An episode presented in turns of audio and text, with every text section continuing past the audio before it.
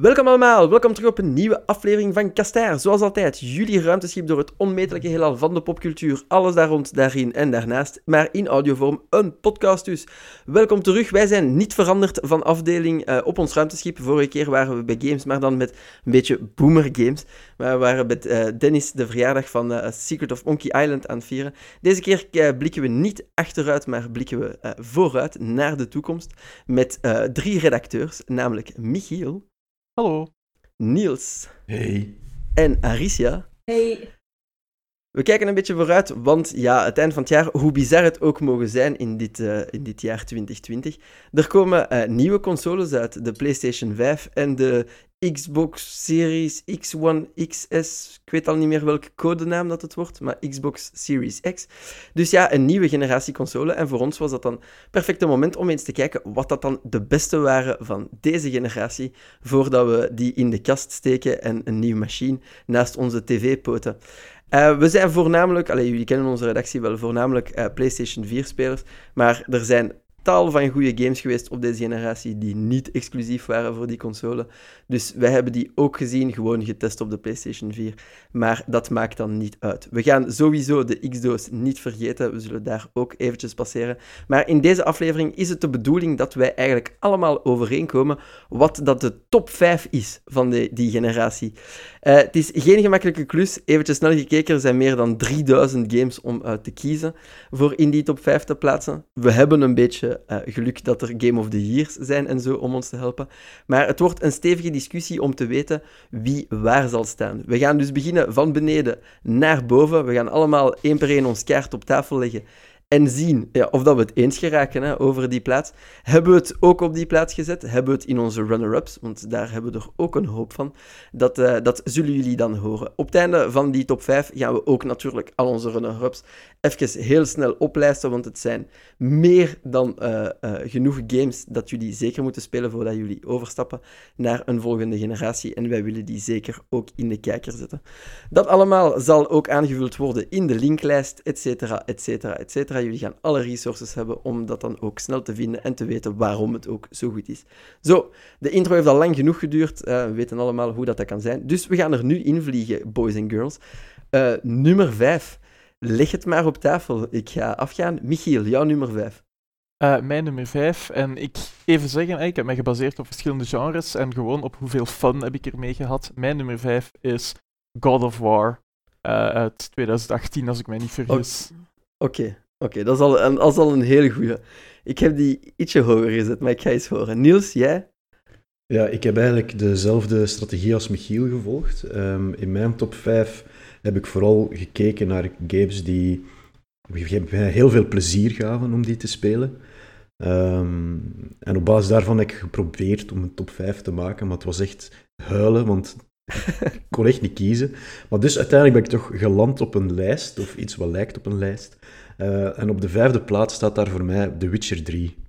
The Witcher 3, oké, ja. oké. Okay, okay. die staat bij mij um, in de runner-ups. Het is een schitterend spel, maar niet mijn top 5. In de runner-ups, oké, okay, oké, oké. En dat gaat al een pikante eerste ronde worden. Eventjes wachten. Aricia, wat is jouw nummer 5? Ja, en hoe ben jij tot jouw lijst gekomen, als we dan toch het overzicht ik... nemen?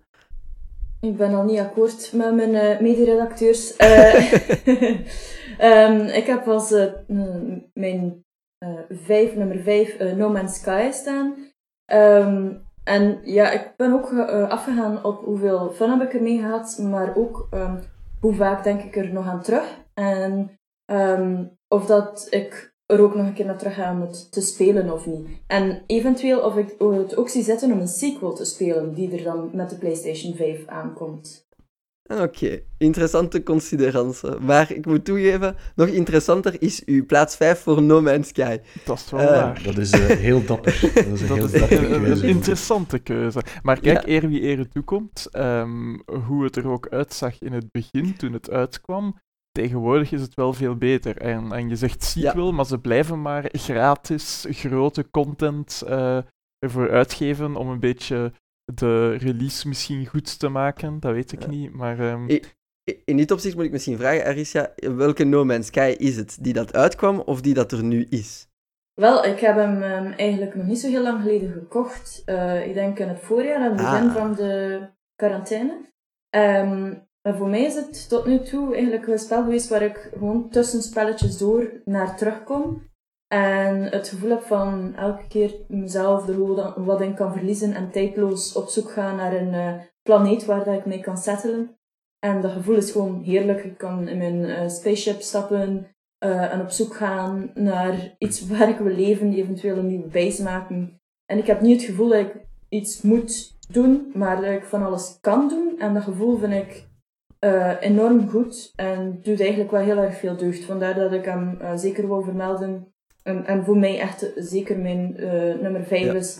Omdat ik er gewoon blijf naar terugkomen. Ook al denk ik soms van, het gaat traag. Maar eigenlijk is die traagheid een, een, voordeel. En nu met de nieuwe update um, kan ik alleen maar aanraden om er een keer terug in te springen. Ja, ja maar oké, maar het is dus de nieuwe No Man's Sky. Want ik denk dat uh, ja. Michiel, Niels en mijzelf, we hebben natuurlijk nog de bittere nasmaak van No Man's Sky 0.001. Ja, ja, ja. ik, heb, ik heb hem niet gekocht toen dat hij uitkwam. Ik heb hem ook gekocht toen dat de eerste grote uh, content expansion erbij kwam. Ik weet niet meer hoe dat die heet. En dat is ook al, denk ik, geleden van 2018 dat ik hem Atlas, dan dacht ik dat gespeeld dat heb. Nee. Uh, foundations, geloof ik. Uh, ah, Foundations. En ja. toen heb ik er wel plezier mee gehad, maar zeker niet om te zeggen top 5 van mijn favoriete games. Uh, op nee, ik heb, er ook, heb er ook een beetje moeite mee met dat te horen. zeker als we. Het is, ja, het is een interessante. Ik had ja. hem zelfs niet in mijn runner-ups. Ik, ik weet, ook jij, niet. Niels, had jij hem in de nee, runner-ups? Nee, nee, nee. Voor mij is dat echt een heel nare herinnering, want ik had de game wel op release gekocht natuurlijk. Um, en dat was tof tot als je beseft, ah, dat Oké, niet meer tof was. het is, ja, dit, dit is het dan maar. Inventory Um, management, de game. in- In, het ja. Echt Eh, maar ik geef wel toe dat het eh, qua redemption arc van deze game, die heeft de beste redemption arc van alle games, denk ik, die, eh, die al zijn uitgekomen op PlayStation 4. Oh, Ja. Final Final Fantasy Fantasy 14? Ja, dank u. dank Ja, u, Oké, dat is dan. pas een redemption arc aan mij. Aan mij nog niet. Echt, de top 10 anime redemption arcs is echt Final Fantasy 14. Dat is een ander artikel of een andere podcast. De beste redemption voor... eh, Dat. Games. Nee. Maar ze hebben, ze, hebben, ze hebben hun best gedaan. Ze hebben hun best gedaan. Dat geef ik wel toe. Het verdient een runner-up ergens wel. Na wat ze allemaal gedaan hebben. Maar ja. Je hebt maar één kans voor een eerste indruk of zoiets. Hoe gaat het eh, gezegde weer? Ja, dat is waar, dat is waar. Ja, dat is een beetje een probleem inderdaad. Hè. Dus eh, ik hoop dat er toch een aantal mensen eh, toch nog eens proberen en misschien wel ontdekken dat het effectief leuk is. Ja, ja, ja, oké. Maar ik denk dat het hier al duidelijk is. En sorry daarvoor, Aricia, maar dat No Man's Sky dus in de runner-up lijst zal belanden. Helemaal alleen in top nee. 5. En voor ons... Mathematisch ziet het er niet goed uit voor No Man's Sky op plaats 5. Ik ga even nog mijn kaart op tafel leggen, gewoon voor de volledigheid. En dan kunnen we direct al eens een keer zien wie, wat, waar, hoe. Eh, bij mij staat er op plaats 5 Monster Hunter World. Ehm, eh, op dezelfde reden eigenlijk als hoe dat Aricia haar, eh, haar top heeft gemaakt van de meeste tijd, meeste updates, goede content enzovoort enzovoort. Ik kom daar ook nog altijd naar terug. Ik vond dat echt heel goed voor deze generatie. eh. het is iets, misschien iets minder dan Monster Hunter Generations, maar eh, Monster Hunter World, een stevige plaats 5 voor mij. Ja, het staat ook in mijn top 5, maar dat zal niemand verbazen. dat is geen verrassing, inderdaad. maar niet Bij op mij 5. staat dus. in de runner-ups. In de runner-ups. En bij jou, Arisha? Eh, nergens. Spijt mij. Nergens. Wow. Mathematisch ook los in nuts van Monster Hunter dan. Want ja, Niels kan het redden, maar Niels, je gaat dat toch niet in je top 1 ges- op je eerste plaats gezet hebben. Eh, geen commentaar. Diplomatisch. Ah, dan kan ik wel conceden dat Monster Hunter niet hoger kan gaan dan een vijfde plaats. Er zijn echt wel veel, veel, veel, veel te goede games om die hoger dan dat te zetten. De, ehm, ja, dan eh, blijft het dus God of War op plaats 5. En wat was jou nou eh, weer, Niels? Eh, The Witcher 3. The Witcher 3. Ja, voor mij staan God of War en The Witcher 3 iets hoger. Ik weet niet bij jou, Arisha? Ja, eh, inderdaad. Die staan bij mij ook hoger in de lijst. Dus. Ja. Zouden we kunnen conceden dat God of War en The Witcher 3 geen plaats 5 material zijn? Maar hoger. Voor mij wel. Ja. Ja. Voorlopig wel, maar Dat we kan. moeten de rest nog eh, Ja, ik- bespreken. hè. Ik weet dat mijn plaats 3 waarschijnlijk één gaat zijn die niet veel mensen in de top 5 hebben staan, dus die gaat waarschijnlijk naar onder moeten. Uh, dus ik ga wel vechten om in de, plaat, in de top 5 te krijgen, maar als dan God of War uh, hoger moet bijvoorbeeld, ah wel ja, dat is geen enkel probleem. Oké, okay, dan hebben we plaats 5 nog om te schuiven langs alle kanten. Maar het is duidelijk, uh, God of War en The Witcher 3 veel beter dan dat. Ja, misschien kunnen we daar al uh, even op inblikken. Waarom God of War zelfs hoger zou moeten. Michiel, jij hebt dat uh, grijs gekast. God of War. Zeg eens, waarom is hij eigenlijk zo goed? Omdat het heeft gedaan, wat, naast de fun factor natuurlijk, hè, heeft het gedaan wat dan niemand verwachtte. Het heeft van Kratos en van heel het God of War gebeuren, wat dat een amusante, maar bloederige en breinloze reis door de Griekse oudheid was. Soms letterlijk door de Griekse oudheid en de goden en de mythische beesten. letterlijk door, door ja. En heeft het uh, kunnen niet rebooten, maar heeft het kunnen ja, uh, iets, iets meer, um, ik ga niet zeggen down to earth hè, of gegrond te maken, maar, maar, maar toch heeft het serieuzer kunnen maken. Het is gegaan van een spel waar alles echt met bloed en woede was en, en, en heel veel roepen, naar een spel met heel veel introspectie. En, en Kratos is van het meest gewelddadige hoofdpersonage ooit gegaan naar iemand die zijn woede moet kunnen beheersen. Uh, en dat was gewoon ongelooflijk goed gedaan. En daarbij komt natuurlijk nog de leuke gameplay, de prachtige muziek en um, het feit dat het uh, een uitdaging blijft bieden op de hoogste moeilijkheidsgraad. En, en, voilà. Ja, nee, nee, volledig mee akkoord. Heel volwassen uh, God of War ten opzichte van zijn predecessors. Ja, alleen volwassen. Het is nog altijd natuurlijk dat je eh, vanuit een andere mythologie, maar dat je nog altijd mythologische wezens uh, met, met verschillende wapens of met je vuisten moet um, gewelddadig mm. afmaken. Maar in vergelijking die... met God of War 1 tot 3 en, en de spin-offs daarvan is het inderdaad veel volwassener. Ja, ja, deze keer hebben ze het verdiend, dames en heren. Voilà. En het is een dead game. En, en ja, dead games zijn ook een genre tegenwoordig. Hè? Ja, ja, ja.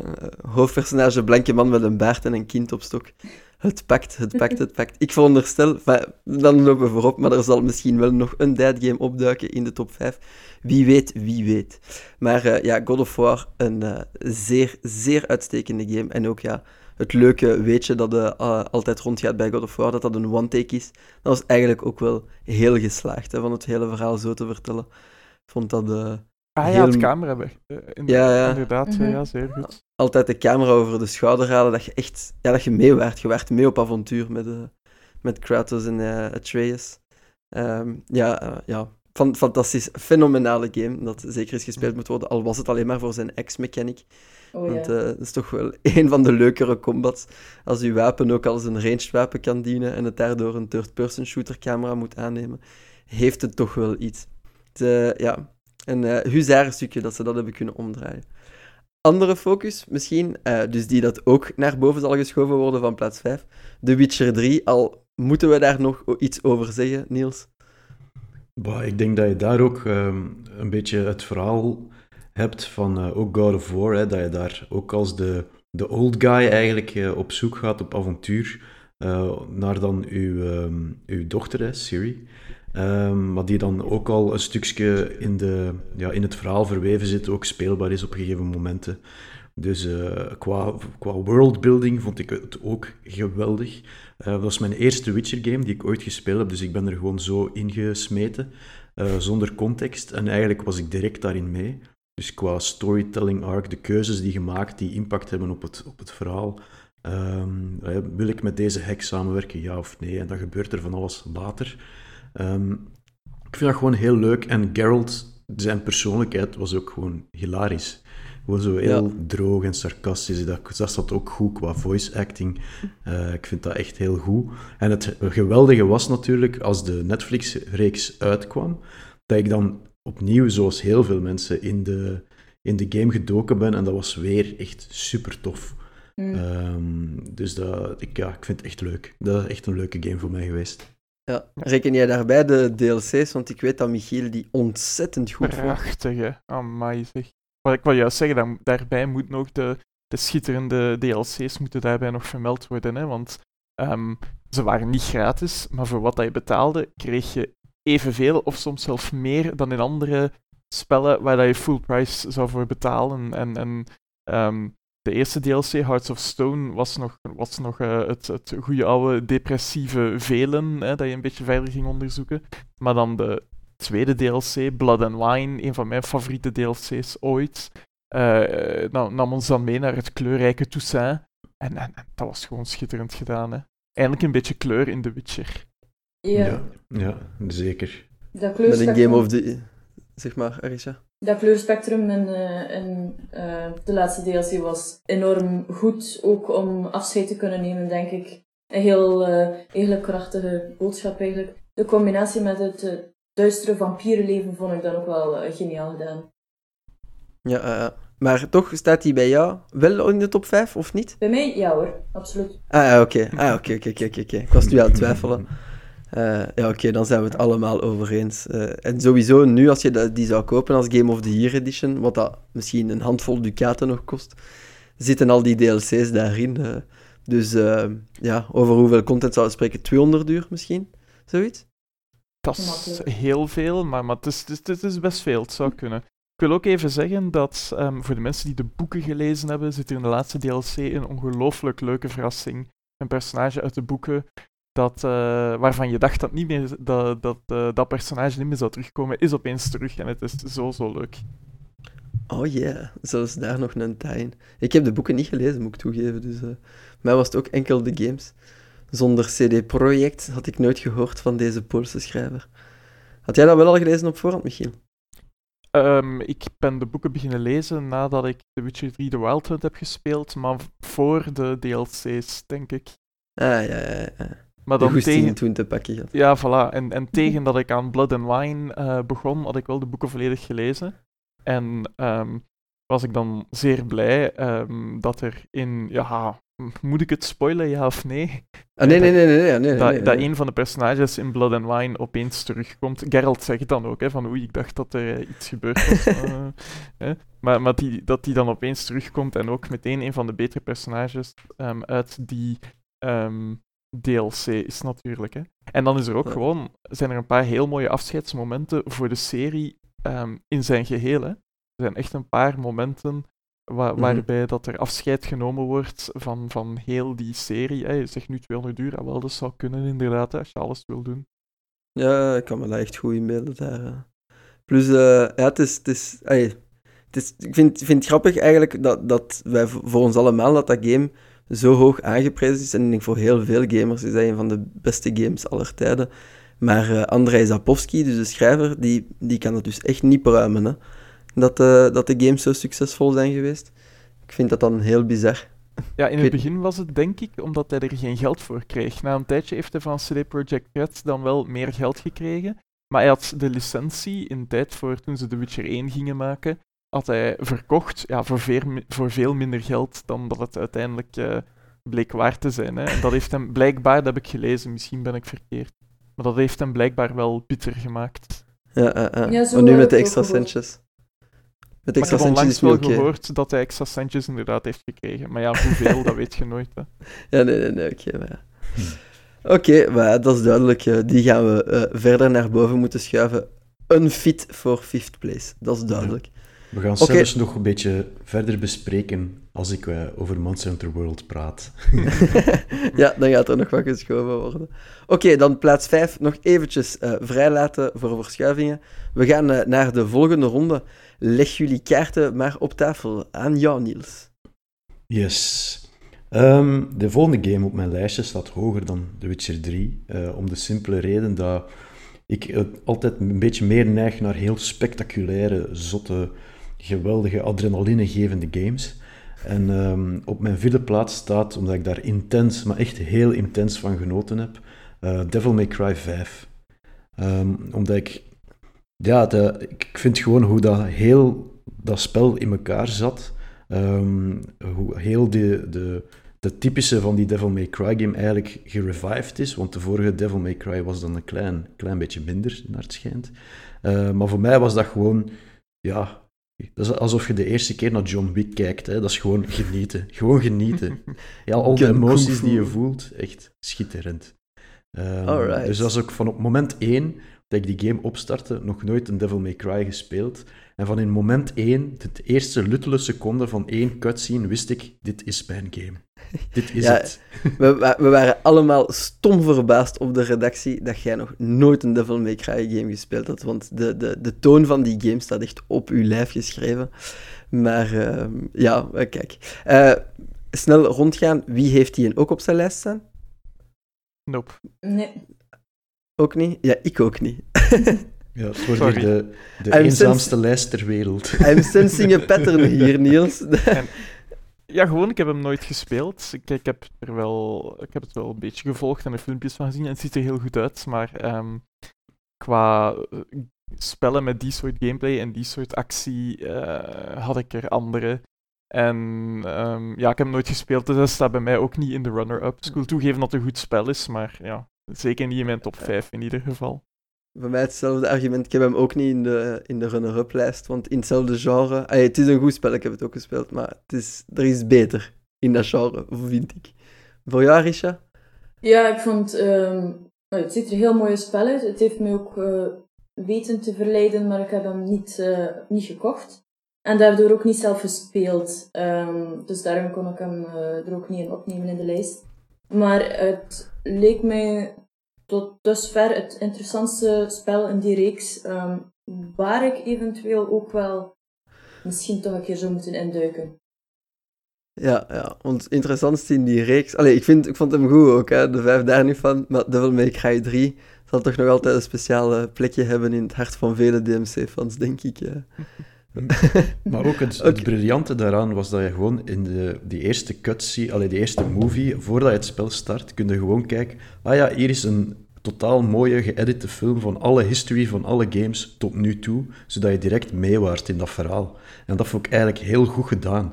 Ja. Dat je gewoon ziet van, oké, ja, nu nog eens vijf minuten naar die video kijken, je weet direct wat er allemaal gebeurd is. Ja, dat, uh, dat, dat moet wel als je een 5 slapt na de titel van je game, denk ik.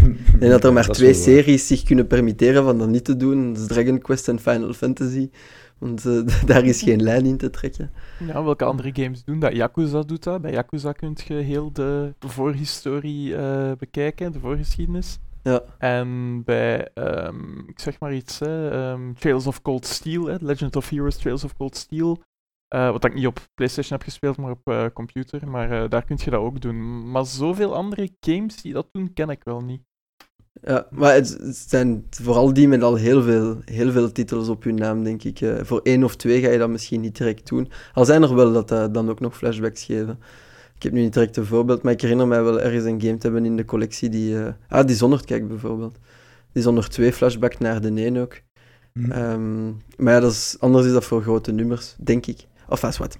We geraken sidetracked. We hebben nog kaarten eh, te evalueren. Maar dus DMC 5, vierde plaats. Mm, het ziet er niet goed uit. Aricia, wat staat er op jouw vierde plaats? Um, ja, op mijn vierde plaats uh, was eigenlijk redelijk lastig. Ik, heb, uh, ik zat tussen um, Assassin's Creed Origins en Horizon Zero Dawn. Uh, ik heb mm uiteindelijk toch voor Assassin's Creed Origins gekozen. niet omdat het het beste spel is dat er bestaat, want ik kan zeker de fouten herkennen die erin zitten. In de zin van dat, het, dat het een beetje begint achterhaald te worden um, hoe het opgebouwd is. Maar um, vooral omdat Origins iets volledig nieuws bracht. Um, dus een hele andere weg is, heeft proberen inslaan met Assassin's Creed, wat ze nu nog volgen. Maar daar, dit was eigenlijk het eerste spel daarvan. Uh, en ook de, de opbouw van karakters en geschiedenis. Uh, ik vind het ook enorm uh, tof dat ze die tour gedaan hebben. Dus, die je dus kunt volgen ook zonder dat je het spel zelf eigenlijk moet kopen. Dat kun je ook apart kopen. Um, ja. En ik, ben, ik heb ook een opleiding in die richting. Dus het was voor mij eigenlijk gewoon fantastisch om daar door te kunnen lopen. Alles in kleuren te zien. Waarover ik zoveel gehoord heb, maar je kunt het nooit zien. Um, en ook de verhalen die, die gespeeld hebben um, op een andere manier te beleven. Natuurlijk, die zijn niet, niet per se helemaal correct. Maar um, je, kunt, je kunt het dan wel een, een, je een beeld vormen van wat en hoe. En dat was voor mij spectaculair. Ik denk dat het het enige spel is dat ik ook uh, Platinum gespeeld heb. Dus ehm, ja, daarom, ik heb er heel veel uren in gestoken om gewoon te kunnen genieten en ja, die geschiedenis op me te laten inwerken. Ja, heel underrated feature eh, van de Assassin's Creed games. Ik weet niet of dat Odyssey dat ook doet. Weet jij dat, Michiel? Uh, er is een, een, ik ben nu even de naam van de modus kwijt, maar je kunt dus ook gewoon rondlopen en uh, dingen leren als virtuele toerist, nu zonder combat, zonder het een of het ander.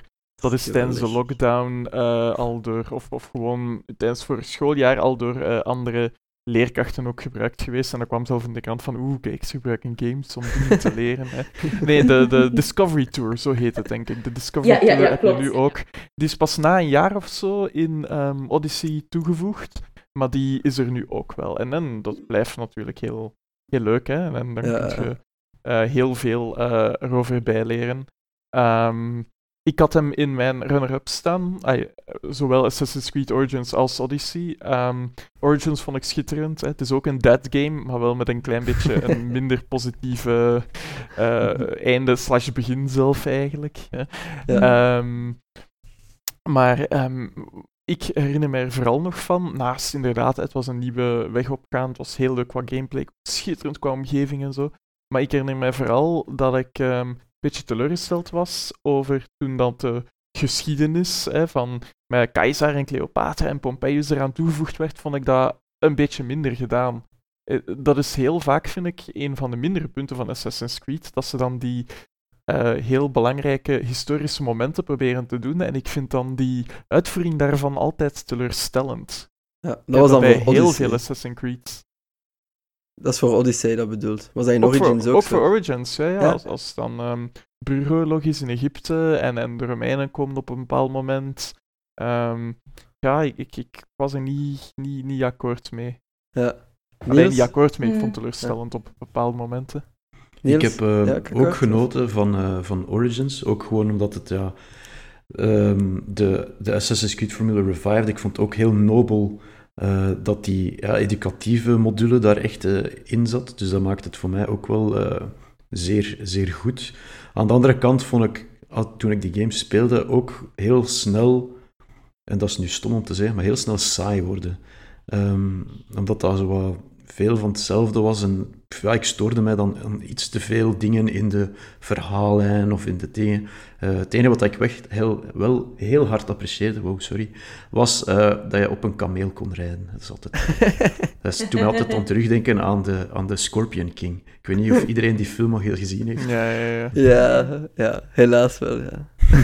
en je hebt uw vogel om als drone te gebruiken. Ja, inderdaad. Want ik weet niet meer welke dat eerst was, maar het was eigenlijk bijna letterlijk dezelfde gameplay voor uw drone en u uit uh, Ghost Recon Wildlands en Assassin's Creed Origins en dan later Odyssey. Tom Clancy's Odyssey. Moet wel nog zeggen, we zijn over PlayStation 4 bezig. Hè, misschien niet op computer, maar zelf op de PlayStation Pro zijn de laadtijden van, ik denk Origins, maar zeker Odyssey, abominabel slecht. Oef. Mm. Veel te lang. En ik heb straks uh, één spel waarbij de laadtijden ook nog altijd slecht zijn. En um, één waarvan dat ze verbeterd zijn. Maar um, zeker Assassin's Creed Odyssey heeft ongelooflijk lange laadtijden. Als je het opstart, moet je eerst laden tegen het menu gaat. Dan moet je je spel laden. Um, ik denk dat er nog uh, eens een laadmoment bij komt van een minuut of uh, minuut en een half. En als je dan beslist om ergens anders naartoe te gaan, bijvoorbeeld in de DLC of zo, dan, dan zijn je weer een minuut of twee kwijt. Dus ja, nee, de laadtijden zijn echt abominabel slecht. Ik krijg gewoon al van de beschrijving flashbacks naar mijn Skyrim-avontuur op de PlayStation. Ja. ja, ik ook. ah, een deur door? Toch blijven spelen, om popcorn te gaan maken. Ja. eigenlijk wel. Oh my god, dat waren echt abominabele laadtijden. Oh, maar met dat God. gezegd, Michiel, dat je een game hebt die zijn laadtijden verbeterd heeft, dan denk ik te weten wat dat er nog op je lijst staat. Want ik denk dat Wauw, je hem ook wat een verrassing. Dat is voor straks. Spoilers. Alright, spoilers. Maar jij hebt nog een kaart op tafel te leggen, Michiel. Jouw Ja. nummer 4. Eh, het is eentje van dit jaar en voor de mensen die mij een beetje kennen of mijn artikels een beetje gelezen hebben, zal het ook geen verrassing zijn. Maar mijn nummer 4, ehm degene die erboven komen, is omdat ik er ofwel iets meer plezier ofwel gewoon langer aan bezig ben kunnen eh, mee bezig ben geweest. Ehm, maar mijn nummer 4 is Final Fantasy 7, de remake ehm, van ja, dit jaar, hè, van 2020. schitterend. Het deed ongelooflijk interessante dingen met het verhaal. De gameplay was natuurlijk wat anders, maar toch op, op een of andere manier toch uh, zeer bekend. Maar het werd meer een, een action game. Maar toch, het was zo goed gedaan en het was met zoveel respect gedaan. Heel veel elementen uit het originele spel gehouden, maar de problematische elementen, we denken aan Wall Market bijvoorbeeld, uh, waren eigenlijk verbeterd. En zelfs voor mensen die het spel kenden, um, gebeurden er dingen in het verhaal uh, die u toch twee keer lieten nadenken. En op het einde van um, de remake um, staan de poorten open en kan er alles gebeuren. Hè. we hebben er een podcast over gemaakt, Jason, en ik heb er ook een aantal artikels over geschreven. Uh, ja. Het is gewoon een dikke aanrader. Iemand die hier iets aan wil toevoegen, want ik wil hier op een dikke rode knop duwen. ik ben niet meer akkoord. oei, oei. um, ja, ik heb, um, ik heb de game zelf nog niet gespeeld, ook omdat ik Final Fantasy VII nooit echt volledig doorgespeeld heb. Ik kan, dat is, dat is echt heel erg om toe te geven, maar het grafische aan de uh, Final Fantasy VII, dus de basis, ik kan dat echt niet aan. Ik, dat is, it aged very badly in mijn ogen. Allee, um, kartonnen dozen cloud is toch zo sexy? ja, met zo van die... In die tijd was dat zo revolutionair, ja, Van die, ja. van die armen en hoe is het allemaal. um, nee, dus ja, ik, ik, ik, ik durf dan ook de remake niet goed beginnen, omdat ik, omdat ik dan vrees dat ik het niet ga snappen. Nee, daar dat... moet je geen twijfel aan hebben. Dat is echt niet het probleem van die game. Ja, Mens okay. inzien. Oké, maar ik vond die wel, natuurlijk grafisch is, die, is, die, is dat een prachtgame, hè, de, de remake. Uh, mm -hmm. Ik heb het wel uh, actief meegevolgd via uh, enkele streamers die ik, die ik ken, die, die de game aan het spelen zijn. Hi dus, Inderdaad. En um, die, ja, het, het, ik, ik ga het sowieso wel spelen, maar ik, ik ben gewoon mijn moment aan het afwachten. En voor jou, Arisha? Ook in ja. jouw lijst of niet? Nee, ik heb eigenlijk helemaal niks met Final Fantasy. Um, dus sorry voor alle Deze fans. Deze dook in Michiel maar, zijn hart. Dat is echt wel waar. Ja. De muziek, ja, ik, de muziek, dus... al die schone muziek en dan super orkestraal gemaakt en met zoveel variaties. Het was gewoon, oh, voor mij heaven. Al die zwaartekracht-defying capsules, Aricia, kom aan zeg. Oh, ik, ik heb zo'n demo, weet je nog, in de tijd van uh, toen ze nog demos gaven en dan nog verschillende spelletjes op één disc. Um, de goeie ja, oude ik... Ja, de hoor, heeft ja, een ja. demo gehad, hè? een gratis demo, een maand Dat is ook waar. Dat is ook waar. Ah, maar zeg maar eens. eh, hè. ja, die heb ik gemist. Nee, ik heb de demo van de 10, eh, Final Fantasy 10 gespeeld. Mm. En ik wist helemaal niet wat dat er gaande was. Ehm, het was heel verwarrend en eh, ik- ik denk dat ik daardoor gewoon nooit een Final Ah. Fantasy spel heb aangeraakt, omdat ik gewoon zo in de war was. Dat Ehm, zal wel. dat ik gewoon verder gedaan heb met Spyro. Eh, dus ja, ik, denk dat we, ik denk dat we een kaarsje mogen laten branden voor Arisha, want in Final Fantasy vallen via de 10 is denk ik zo wat de slechtste plek. Ja, dat, verhaal vallen. begint echt op, op een zeer mysterieuze, waanzinnige, zotte manier. Ja, als Ja, je één ding van- niet wilt meekrijgen van de 10, is dat gelach van Tidus in het begin op dat eiland. dat kan ik. Dat Ja, maar dat was niet in een demo, hè, natuurlijk. Gelukkig niet. Anders was het nog erger, denk ik. Amai. Ah, ja, nee, innige deelneming. We zullen nu, we zullen nu nog de Final Fantasies aanraden die wel de moeite zijn. Zeven of negen om mee te beginnen. Ja. Echt wel, echt Dank wel. u. Beginnen, beginnen onder de tien voor de luisteraars thuis die zich ook afvragen, moet ik nu bij Final Fantasy 1 beginnen? Eh, nee. Nee. Eh pak maar 7, 9, 6. Ik zou zelfs nog 12 of 15 durven aanraden. Maar, eh, 12 En is de eh, acht. niet onbesproken in ieder geval. Hè. Ja, ja. De, de 8 ook, de 8 ook. Maar bon, als je dan in die contraien gaat, 7 of 9. Ja, nou, dat is wel waar. Ik, ik denk dat welke Final Fantasy is de beste Final Fantasy een andere podcast Ja, wordt. dat is ook waar. Ja. Ik, Maar de eh, beste entry Final Fantasy is niet een 10. Dat, dat kunnen we op deze podcast prijsgeven. ik, ik heb ook high al. hopes voor de PlayStation 5 Final Fantasy, eh, die, die ze geteased hebben met die Oh, ja. eh, cinematic. Zag er Oh, zo oh, oh. geniaal uit. Ja. Weet je hoe het hoofdpersonage heet? Want het is wel briljant. Hè? Het hoofdpersonage van Final Fantasy 16, wat dat we nu heten, eh, weten, heet Clive. Clive, oh. Oké. Nu had ik echt gehoopt dat je ging zeggen, die heet Michiel. Nee, nee, nee, nee maar gewoon zo'n naam van. eh, wat is het hoofdpersonage? Clive. Clive. Ze hebben Yeah. gezien dat Steve dat, dat gepakt heeft qua marketing. Dus ja, tijd om Clive en Tom te trademarken. Alright, maar dus ja, ook daar geen affinity met Final Fantasy. Bon, ik wil daar toch even eh, een halt aan roepen. Het is wel een hele goede game, maar plaats 4 dat zie ik niet zitten in dit debat. om één reden, want ik ben helemaal akkoord, de graphics zijn fantastisch. De remaster van de soundtrack is absoluut gewoon gesmolten boter die je in je oren kunt gieten. Dat is te goed. Maar de pacing killt heel die game, vind ik. Het feit dat het zo traag is, dat het zo'n klein stuk is van Final Fantasy 7 dat uitgerokken is tot in het oneindige. Dat je heen en weer in die gangen... Ik kon het niet meer aan na 50 uur. het was, voor mij heeft dat heel die game gebroken en heeft hem dat gepusht naar mijn honorable mentions en niet in de top gekregen. Anders had hij daar sowieso in gestaan. Bij de, bij de F van Final Fantasy druk ik al op top 1.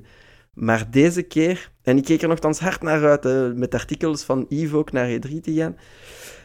Um, nee, de pacing heeft dat echt geruineerd. Ik weet niet of dat voor u dat jij dat ook ervaren hebt, Michiel? Of gewoon de, de pacing was op momenten lastig, met uh, de sidequests die erbij kwamen, die niks aan het verhaal toevoegden. Maar voor mij was het gewoon dat de momenten, de, de, uh, uh, het saboteren van reactor 1 van reactor 5, ontmoeten van Aeris, um, de Shinra Tower, Wallmarket. Al de belangrijke momenten zaten erin en waren schitterend gedaan. Um, ja, dat wel, maar je hebt wel gelijk dat de pacing inderdaad op momenten, um, misschien e even duiden, het verhaal wordt onderbroken door momenten waarop er extra dingen bij komen. En die zijn niet altijd even goed. En soms zijn het gewoon heel saaie sidequests, dat ga ik zeker toegeven. Um, en, en kan begrijpen dat dat u er minder positief over maakt. Ja, want ik kan Voor mij is het gewoon de nostalgie en het feit dat het er was en dat het eigenlijk zo'n goede versie was. En de interessante dingen die er gebeurden met het hoofdverhaal, die voor mij toch in mijn top 5 zitten. Ja, zo waar. Het, het open einde, het vernieuwde einde, non, no spoilers, hm. is echt wel heel clever. Dat moet ik wel toegeven. Maar ja, vier vind ik, vier vind ik, ik wil hem vijf gunnen, dus noods. Maar plaats 4, dat, dat niet. Ik weet niet wat de rest daarvan denkt. Wel, ik denk dat het nog moeilijk gaat zijn om de plaats 5 aan iemand toe te wijzen straks. ah, wel, het is, nou nee, maar we hebben nu nog, we hebben nog No Man's Sky, we hebben Assassin's Creed, want voor mij, ik ga kaart op tafel, hier heb ik The Witcher 3 gezet. Dus, hm. dus dat is een, een niet-discussie. De vraag is, is, parkeren we The Witcher 3 op 4 of parkeren we op 5 en duwen we de rest naar beneden? Maar ik kan mij echt wel perfect inbeelden dat The Witcher 3 hoger staat dan 4. Maar Final Fantasy 7 hoger dan 4, dat, uh, dat is een brug te ver voor mij. Allee, dat zeg ik. Dat we zullen zien wat er nog uitkomt. Hè? We hebben al... Iedereen ging akkoord met God of War en Witcher 3, dus we zien uh, wat dat er nog uitkomt. Oké, okay, dus, dat, dus dan hebben we nu Assassin's Creed No Man's Sky onderaan, en dan Final Fantasy en... Wat was er nu nog? Witcher 3 uh, en God of War. Ja, maar nee, er was toch nog een game? De Assassin's Creed en, heb ik nog iets gemist?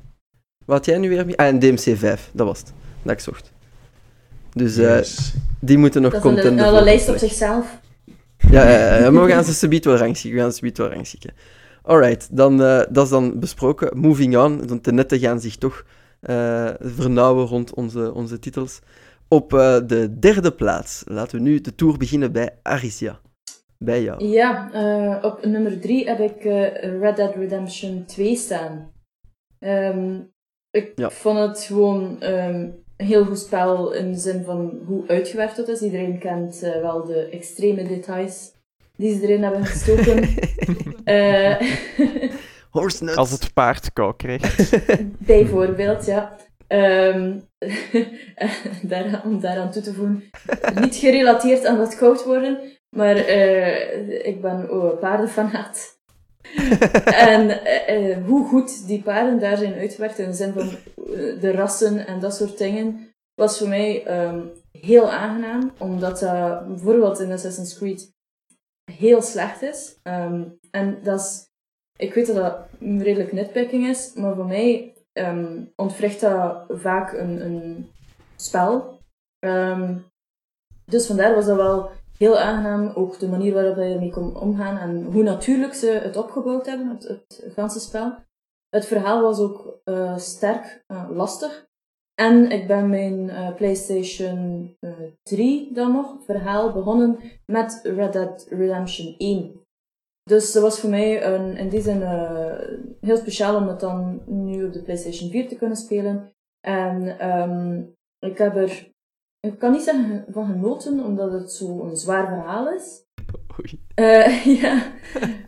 um, ook omdat, ja, natuurlijk, ik heb het dan uh, redelijk laat gespeeld en uh, de spoilers zijn er dan natuurlijk al, dus ik wist al hoe het ging eindigen. Nu, u, als je Red Dead 1, 1 gespeeld hebt, weet je ook alweer waar dat naartoe gaat natuurlijk, maar um, en dat maakt het uh, ja, lastig. Maar uh, heerlijk om uh, kleren te kunnen gaan, kunnen gaan shoppen, nieuwe zadels te kunnen gaan kopen en gewoon chill door Amerika te rijden. Um, en, en de details voor de, de, wapens en dat soort dingen.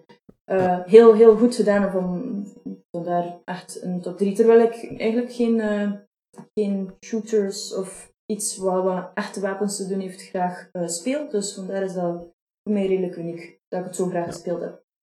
Maar dus immersie, open wereld, story. Ja. Dat is, uh, ja. ja. Zien we een uh, lijn in mijn spelletjes? een klein Heb je de online gespeeld? He, want je zegt van uh, paarden en kleren en doorheen de hele dingen. Um, Red Dead Online kon je dan natuurlijk nog verder zetten hè, met nog meer opties, nog meer customization. Ja, maar dan moet ik met mensen spelen. Dat is waar, dat is waar. Dat is heel vaak. Ik ben een paardenfanaat, geen mensenfanaat. Ja. Excuseer. Nee, het is een schitterend spel. Ik vond het wel heel traag. Niet alleen omdat je um, maar één soort fast travel had die je alleen vanuit je eigen kamp kon doen, maar het was wel een heel traag spel. Maar dat was ook deel van die immersie natuurlijk. Ik vond het ook een ongelooflijk ja. schitterend spel. Nee, nee, helemaal akkoord. Ik heb er niet kunnen accrocheren. Dus, ah, ik kan mij niet uitspreken omdat ik het niet heb uitgespeeld. Voor mij was het iets te traag en uh, ben ik niet blijven haken. Maar ik kan wel perfect uh, concederen dat dat uh, een zot, zot spel is qua immersie, qua open wereld, qua wat dat je kunt doen, hoe dat je kunt doen. absoluut knap staaltje van Rockstar eigenlijk. En spijtig dat ja, dat ze zich zo hard focussen op online eigenlijk. Hè. Yeah. Normaal had die tien jaar... Ja, dat is geld, hè. Ja, tien jaar Kijk, geleden had... Ja, nee, nee, volledig akkoord. Maar tien jaar geleden had zoiets nog twee, drie DLC's bijgekregen. Misschien wel van Blood and Wine niveau. Mm -hmm. Maar kun je niet ontkennen dat het ook wel geen lang spel is, hè? Allee, um, of wacht, je kan niet ontkennen... Wacht, hè, dat het een langs... Oh man, Dubbele negatie. Het is een lang ja, spel. Dus ik moet toegeven dat het een lang spel is. En zeker dan de epiloog, of de twee epilogen ja, zelf. En ja. dat blijft maar duren. En dat is schitterend. Hè. Dat zou een DLC kunnen geweest zijn, eigenlijk. Ja, dat is, je krijgt daar zelfs nog een nieuwe tutorial, voilà. like 200 uur ver in je game. Ja, ja voilà. Maar omdat het zo traag is, um, is dat een van de games waarvan ik altijd denk van oeh, misschien kun je nog eens spelen. En dan, oh nee, want dan moet je echt alles opnieuw doen. En het is zo een van, het was een ongelooflijk goede ervaring. Maar of dat ik het nog eens ga herspelen, dat is wel de vraag. Ja. Mm, en heeft dat bij u dan een... Een game in mijn, in, mijn top, in mijn toplijstje staan, zo van... Een heel goede game, maar wil ik het nog eens opnieuw zo snel spelen? Nee, nee. maar wel heel goed. Ja. Heeft, heeft dat bij u een doorslag gehad, Michiel? Staat hij daardoor Het staat in mijn runner-ups, maar hij staat niet in mijn lijst. In mijn top 5 stonden allemaal games die ik minstens één keer en soms veel meer herspeeld heb. Ja, oké. Okay. Dus toch een doorslag. Ja. ja. Ik herspeel dan eigenlijk niet.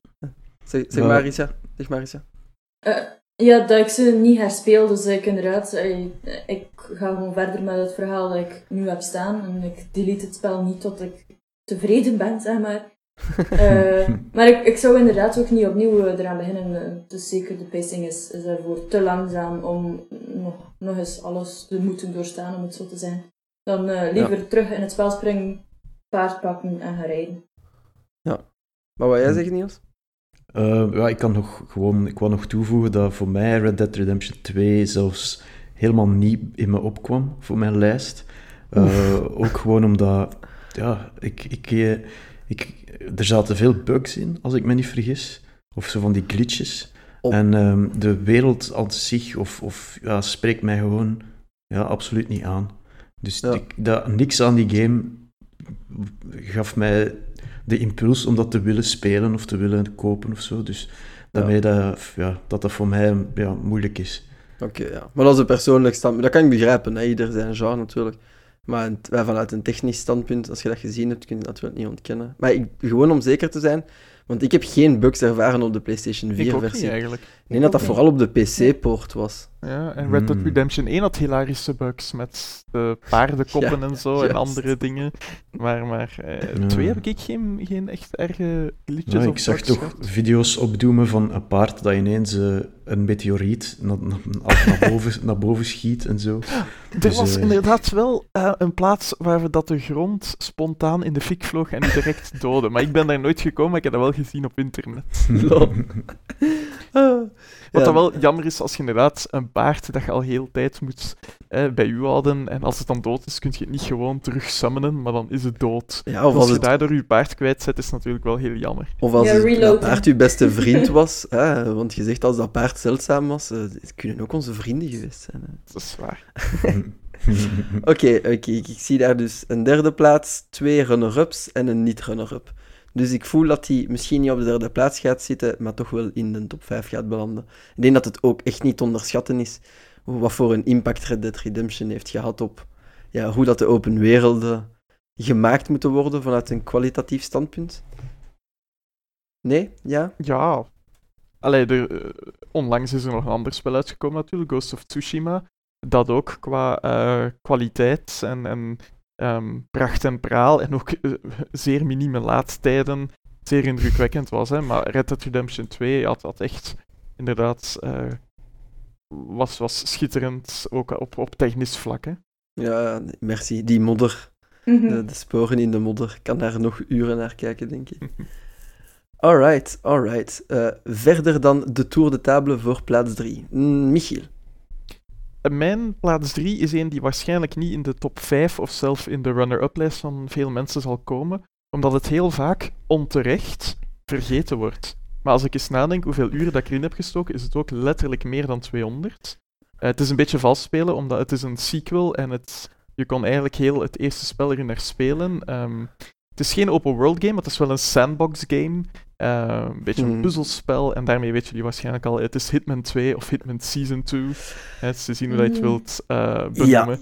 Ik heb daar zoveel plezier mee gehad, zoveel uren in gestoken. En ja, je moet het natuurlijk altijd herspelen om de verschillende manieren van eh, moordpartijen ehm, te kunnen uittesten en te kunnen perfectioneren.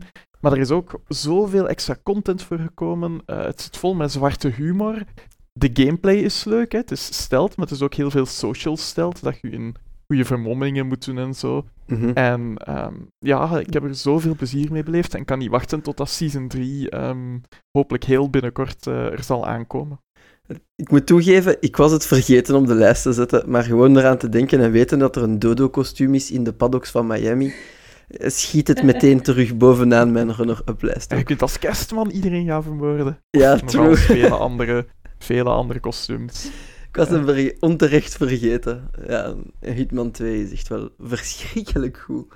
En qua, qua, qua design ook. eh. Ik weet niet wat dat jullie ervan vinden, Niels? Ja, dat... eh, Oei. Oei, nee, dat... Ja. dat. Het is heel vaak super goedkoop, hè, dus uittesten is de boodschap. Ja, ja dat, inderdaad, inderdaad. Ik heb wel al heel leuke dingen daar gezien. Van de creativiteit waarmee dat je eh, te werk kunt gaan. Dat is Ja, nice. Als je die levels van buiten kent, van een, wat de pro's Mhm. kunnen doen met een tennisbal, met een golfbal en een, en een polo, eh, dat is absoluut indrukwekkend. Maar dus niet gecharmeerd geweest voor u, Niels? Nee, nee, ik, eh, ik niet. Ik niet, persoonlijk. Ehm, kijk, zoals ik zei, mijn, mijn, top, mijn top 5 was een heel moeilijk, moeilijke denkoefening. Ehm, en degene die, die ik op eh, plaats 3 heb gezet, ja, die, of, of, of 2 of 1, ja, die is helaas niet die game. Oké, oké. Maar dus, oké, ik onthoud mensen afmaken keer op keer. Nee, monsters afmaken keer op keer. Dat gaat waarschijnlijk komen. Gotcha. Inderdaad. Aris, jij nog iets toe te voegen voor Hitman 2? Ja, ehm, ik, wij zijn hem eigenlijk nog niet zo heel lang geleden beginnen spelen, dus ik eh, kon hem ook niet in mijn lijst opnemen, omdat ehm, we gewoon nog niet alles hebben kunnen doornemen zelfs. Maar het is inderdaad wel een geniaal spel dat ook eh, het, het gegeven van eh, vermoorden op een heel andere manier aanpakt. En de creativiteit vind ik geniaal gedaan. Is echt ook gewoon hilarisch. Ehm, en ja, hoe, hoe dat het er grafisch uitziet, is dan ook nog een element. Want ehm, ik vind het heel aangenaam om, om erin rond te lopen. Ehm, dat, en dat maakt echt veel. Dus nu met een betere internetverbinding... Ja, bijvoorbeeld. Uh, en ja, het, het, enige probleem voor ons was, we, we zijn eraan begonnen, maar uh, de internetconnectie was um, hmm. lastig. Uh, dus ja, wij hebben, we hebben nu een internetverbinding en ik hoop dat het dan, dan beter loopt en dat we er nu eindelijk echt kunnen ingaan. En dan inderdaad hopelijk met de PlayStation 5 um, ehm, ook nog kunnen verder op ingaan. Dus ja, daarom, ik kon het niet in mijn lijst steken, maar ik vind het wel een heel tof spel. Ik vind het vooral leuk om samen te spelen en, en niet per se alleen. Ook al speel je het maar met één controller. Maar um, om het te delen, omdat het gewoon, dat maakt het spel gewoon veel beter. Ja, het is een puzzelspel, hè. Ja. Het is waarschijnlijk, het is al zo eh, dat het het leukste te interpreteren is, natuurlijk. En we moeten zeggen over die internetconnectie, dat is waar. Hè? Um, ik weet niet of het nu eigenlijk de schuld was van Square Enix, dat ze inderdaad bij Hitman 1 dat als je geen internet had, dat hij gewoon niet werkte. Hè. In het midden van een missie, als je ehm, internet uitviel, dan ging je ook gewoon naar het menu, dan was je alles kwijt. Ehm, maar ehm, het feit dat ze zich dan hebben kunnen loskopen van, van Square Enix en dat ze helemaal zelfstandig zijn kunnen gaan en dat ze dan een van de games waren om PlayStation 5 mee aan te kondigen, heeft toch ook wel een zeer mooie, is, is een zeer mooi succesverhaal geweest. Hè één groot negatief punt, en ik heb het daar juist um, gezegd bij Assassin's Creed, dus ik moet het hier ook uit eerlijkheid zeggen. De laadtijden, zeker als je wil herladen om speciale dingen van speciale uitdagingen te proberen, en het lukt net niet, hè, de laadtijden zijn ook abominabel slecht. Dat moeten we toegeven. Oké, okay, De pet peeve van Michiel is duidelijk. developers, als je die laadtijd meer dan 2,2 seconden is, you did. nee, nee, maar het is, allee, het is uh, dingen. Maar de, de zwarte humor maakt veel goed. Hè. Op een bepaald moment speel je dokter hè, en, en vraagt er iemand, ah, wat zit er in die spuit dat je mij geeft? Ah ja, um, arsenicum en, en hemlock en andere dingen. Oei, is dat, is dat niet gevaarlijk? I'm not worried, zegt hem dan. Schitterend. Geweldig. Ja, dat, maakt die serie ook leuk, zo die toon van Agent 47. In, in heel de... Het is een business, hè. Hij voelt er niks mee. Dus uh, ja, nee. Uh, heel akkoord dat hij in hoog staat. Maar ik moet, moet toegeven dat ik hem gewoon niet hoog genoeg heb gezet. Maar uh, wel een fantastische game. Wel geen, dat is geen PlayStation exclusive, of wel? Nee, dat is de enige non-exclusive in mijn top 5. ik dacht, dacht al, ik merk hier iets anders. Nou, oké. Maar dus dan kan iedereen die uittesten op platform dat hij mult natuurlijk. Uh, mits een stabiele uh, internet dan. Of is dat veranderd nu sinds dat... Uh... Goh, ik denk dat in Hitman 2 nog altijd een internetconnectie nodig was. Ik hoop dat in deel 3 het niet meer nodig is. Um, allee, ik heb er nooit problemen mee gehad, maar merk wel dat dat er mensen toe aanzet om het te laten liggen. Ja, oké. Dus het zou leuk zijn als ze in deel 3 het achterwege laten. En in deel 3 kun je dan ook, hè, want ik zeg, moet Hitman 2 proberen, maar als je 3 koopt, dan ga je ook voor eh, weinig geld of voor bijna geen geld uh, Hitman 1 en 2 er volledig in kunnen herspelen. Of als je Hitman 1 en 2 aan zeer goedkope prijs koopt, dan ga je het gratis in 3 kunnen spelen. Maar Wat nice. ook ongelooflijk veel waar voor je geld is. Hè. In 2 kon je ook heel 1 verbeterd herspelen. En in 3, als je het gekocht hebt natuurlijk, hè, ga je ook 1 en 2 volledig kunnen herspelen. Wat dat... Allee, dat doen niet veel andere, be... niet veel andere gamecompagnieën um, ja, dat is wel, dat is wel heel leuk. Ik wist niet dat drie dat ging doen. Ik... Ja, ja, ja al, uw, al uw unlocks, al uw outfits hopelijk, hè, bepaalde wapens, bepaalde items, die zouden dan ook terugkomen. Hè? Mij. Nice, dat dan iets dat ik gemist. Mm. Oh, dat is zo cool. doet mij zo wat terugdenken aan de, de tijd dat ze zo, um, was Donkey Kong Arcade in uh, Donkey Kong 64 hadden gestoken als minigame. Um, ah, ja. Om dat te doen. Er zijn zo nog, zijn zo nog dingen, zo, arcade games die in een... Uh, van de oude tijd, die in, uh, die, ah, in Yakuza bijvoorbeeld. In ja. Yakuza zit superveel Sega-spelletjes volledig, hè? Zit, en, en ook zit, zit Wolfenstein niet in uh, de oude, in de nieuwe? Is dat ook niet zoiets? Ik denk dat dat een, een, een, een dream sequence is, maar ik ben niet zeker. Ah ja, oké. Maar ja, dat is echt wel leuk als ze dat doen. Dat je de, de oudere games er terug in kunt spelen. Maar Hitman 1 en 2 in 3, dat is echt wel heel veel. Dat je dat spelletje gaat 150 gig wegen. Ik, ik, ik dacht van wel, ik wil nog eens even, um, even testen. Ja. Maar, of even opzoeken. Ik dacht inderdaad dat maar ze ik erin denk wel dat het zo Ja. zal zijn. Ja, Call of. Duty. Players will be able to carry Hitman 1 and 2 progress over to Hitman 3 at no additional cost for existing owners. Ah, maar progress, alle- maar niet content. Nee, wacht. And all locations from Hitman 1 and 2 can be important and played within Hitman 3 at Oh. no additional cost for existing owners. Oh, Dus als je het al hebt en-. Je kunt het vaak voor 10 euro kopen. En het is binnenkort kerstmis of zo. Of met Black Friday gaat waarschijnlijk weer heel goedkoop Het is zijn. sowieso 10 of kerstmis. 20 euro. Je hebt er sowieso al 200 uur mee.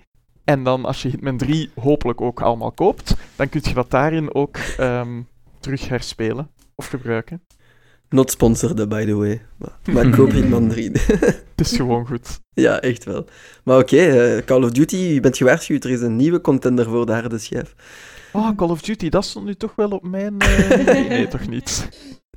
Nee. Spoilers. Hell no. Nee, Hell no. heel to the no. Niks van. Oké, maar ja, een eh, heel honorable eh, plaats 3. Niels, wat is jouw kaart voor ronde 3? Eh, Ah. plaats 3? Ik ben ervan overtuigd dat niemand anders deze gaat op zijn lijst hebben staan. Hier gaan we weer. Het is een... het is, een, het is een, een, een Dragon Ball game, eigenlijk. Ah, Ehm, en ik heb die op plaats 3 gezet, omdat eh, je hebt heel veel Dragon Ball games natuurlijk al gehad doorheen de tijd en de geschiedenis. En het zijn, eh, dit is voor mij de beste Dragon Ball game die ooit bestaan heeft. Ehm, en het is ook een fighting game. Dus eh, het is Dragon Ball Fighters geworden dat ik op plaats 3 heb gezet. Gewoon puur Fighter omdat- Z. Fighter, ja, dus, dus Ja. een- die game is voor een fighting game zo eigenlijk toegankelijk, maar toch technisch, eh, technisch moeilijk. mhm. Of, of ja, ik, dat is, dat is, ik, ga- ik verwoord dat nu heel raar, hè, maar Ja, het is heel gemakkelijk om... low, skill flo- low skill floor, high skill ceiling. Inderdaad, ja, heel gemakkelijk om in te stappen, om er fan van te zijn, om plezier te beleven. En heel diepgaand als je echt op het hoogste niveau wilt online patteren tegen, eh, tegen andere mensen. Plus, het ziet er ook gewoon zo geniaal goed uit. Het echt de super kleurrijk, de acties ja, spat eh, letterlijk uit uw tv. Dus echt die, ex, die explosie, het voelt allemaal zo geweldig en Drag- Dragon Ball aan. Dat is echt een liefdesbrief aan elke andere Dragon Ball fighting game die ooit gemaakt is. Dit is voor mij de, ja, dit is het summum van een Dragon Ball fighting game. En qua fighting game zelf doet het ook echt heel veel dingen goed, want de mensen van Arc System Works zitten erachter. Ja. Ehm, dus die, die allemaal eh, gimmicks van hun andere games erin hebben gestoken, van BlazBlue en Guilty Gear bijvoorbeeld. En dat maakt deze game zo, zo, zo fijn, zo leuk. Het is, het is, ja, Ja. Het is fijn. Het Ja, nee. eh, voor mij Dragon Ball in mijn, in mijn hart weer een mooie plaats gegeven.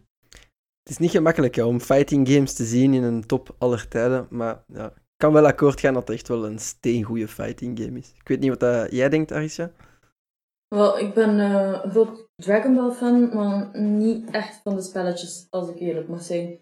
Ehm, ik weet dat de fighting game eigenlijk wel echt goed is. Ik vind de ehm, personages, eh, personages ook heel goed gedaan. Ehm, maar om het in een top 5 te zetten, hmm, nee, Hmm. ja, niet zo, niet zo mijn ding dan. Ja, het is wel moeilijker. Bij jou, Michiel? ja. Ehm, eh, hoe moet ik dat zeggen zonder heel grof te zijn? Mijn interesse in Dragon Ball is verdwenen nadat ik een bepaalde leeftijd had bereikt. Niet dat het slecht is, maar gewoon sinds dan ben ik er niet echt meer in geïnteresseerd. Ehm, ik kijk bijvoorbeeld wel, hè, Niels, als jij dat streamt, en, en onlangs heb je daar een zeer clutch overwinning gehaald en was zeer leuk om te zien. En ik ken de personages en zo wel nog een beetje, maar ja, het is niks voor mij. Het stond ook zeker niet in mijn top 5 en ook niet in mijn runner-ups. Hmm. Niels? Ja, kijk, ja, kijk. kijk, kijk ik, ik, ik leg me neer bij mijn lot dat jullie allemaal geen goede games herkennen. Oh, oh, oh, oh, oh. Nee, nee, nee. het was nee, zo te vriendelijk tot hier. Ja, Ja, het is ja. Het is Maar- begonnen. Nee, nee, ik, ik was, ben er ook volledig van bewust dat dat vooral voor mij... eh, eh, ja, dat is gewoon echt... Een, ik kan genieten van fighting games, maar dit, dit is voor mij echt... Ja, hier blijf ik gewoon naar terugkomen. Het is omdat het gewoon zo fijn en zo goed is. En Ja. eh, qua balancing heel stevig. ik had hem eerlijk gezegd ook in de runner-ups, maar ik heb zitten twijfelen tussen hem en Under Night in Birth als fighting game op die lijst. Gewoon Hmm. omdat, ja, Arc System Works, ik ben akkoord dat die keigoede games maken, maar het zijn ook altijd dezelfde mechanics die een beetje terugkomen. Dat vond ik wel spijtig, dat Dragon Ball Z buiten... Oké, er zijn hun, ze hebben hun eigen mechanics, maar je herkent vrij vaak hoe direct energy levels, de bursts, de Z-moves, de, de alles erop en eraan, dat een typische Arc System Works maakt. En dat vond ik een beetje spijtig. Dat ze daar niet ja, een andere route hebben durven inslaan dan hun engine gewoon te porten naar Dragon Ball Z. Maar het is wel een fantastisch goede fighting game. Maar Ja. ook, ook hier, ja, ik durf hem ook niet in de top 5 te plaatsen. eh. Maar ja, het is moeilijk voor fighting games om daar ook in door te breken. Hè. Het is echt wel een niche. Hè. Ja, maar ik vind het soms... Allee, zou ik graag hebben dat die niche toch iets meer belicht wordt. Ehm daarmee dat ik ook dacht, ik ga hem gewoon dapper zijn, ik ga hem ertussen zetten. Omdat ook, gelijk. ja, gewoon voor mijn, eh, voor mijn persoonlijke top 5 hoeft niet die van jullie te zijn natuurlijk. En eh daarmee. Ja, nee, maar zeker, zeker het vermelden waard. Het is wel dat die in de kijker mogen komen. Het is omdat we nu ja, voor, de, voor de Xbox en de PlayStation bezig zijn. Maar anders zou er ook Smash staan in onze eh, top 5. Daar ben ik zeker van. Absoluut. Dus eh, het is tijd dat eigenlijk alle fighting games versmelten in één massieve bal. Zodanig dat dat altijd top 1 is, aller tijden, ooit. Elke keer. Eh, de Fighters Onze Universe. discussies, eh, onze discussies eh, uitwerken in fighting games, hè? Ja, ja, kunnen we daar alles doen. Ik, ik stel voor dat we al onze discussies nu in Dragon Ball Fighters... eh, Oh ja, dat zou gemakkelijk zijn. Ja. In Hitman 2. Ja. See me coming. Die jeugd wat heet GoldenEye 64 multiplayer. That's where it's at. yeah. No old boy. ja, ja. Er moet ook iemand de boomer vibes brengen. Alright, dan eh, ja, in, de in de derde ronde is het dan ook weer moeilijk. We hebben eh, ja, gewoon buitenbeentjes hè, die, we gaan er, die we ergens gaan moeten parkeren. Dus eh, dat zullen we straks dan zien. Voor mij, ah, je kunnen snel overslaan. Bij mij was het God of War. Dus eh, die kunnen we dan straks ook ranken. Maar eh, ja, Hitman 2, eigenlijk Hitman in zijn, in zijn algeheel. Want de eerste Hitman reboot was ook van de PlayStation 4. Hè. Michiel, of was dat PlayStation Mhm. 3 nog? Nee, nee, nee, dat was PlayStation 4 ook. Hè. Ja. Dus eh, niet exclusief, maar wel eh, zeker ook op PlayStation 4 uitgekomen. Het was niet echt een reboot, hè. het was allee, een beetje ja. een reboot van het systeem en zo, maar het verhaal ging zo echt wel verder. Hè. Hitman, zijn- Hitman geen ondertitel, geen extra dinges. Dat is zo dat Nee, inderdaad. Ja. Qua titels is het een beetje. ehm, het was een psychologische reboot, laat ons zo zeggen. Hè? Ja, maar ja. qua verhaal ehm, allee, zijn er zeker verwijzingen naar vorige games in deze twee en hopelijk drie seizoenen. En dan hebben we ook nog Red Dead... de homing briefcase, inderdaad. En dan hebben we ook nog in deze ronde Red Dead Redemption, die, als we die er niet ergens in zitten, dat we natuurlijk een hoop haatmail gaan krijgen, denk ik. Want die is ook wel geweldig. Oké, allemaal te onthouden om straks te parkeren. De voorlaatste ronde, plaats 2. Deze keer starten we nog eens bij Niels. Shoot. Welke exotische Alright. game heb je meegepakt? Dan? Ik gok dat deze nog... ehm, dat is eigenlijk de laatste, mijn laatste kanshebber, denk ik, om eh, een game te, voor te stellen die ook op jullie lijst staat. Ehm, dus het is eh, over Never See Me Coming gesproken.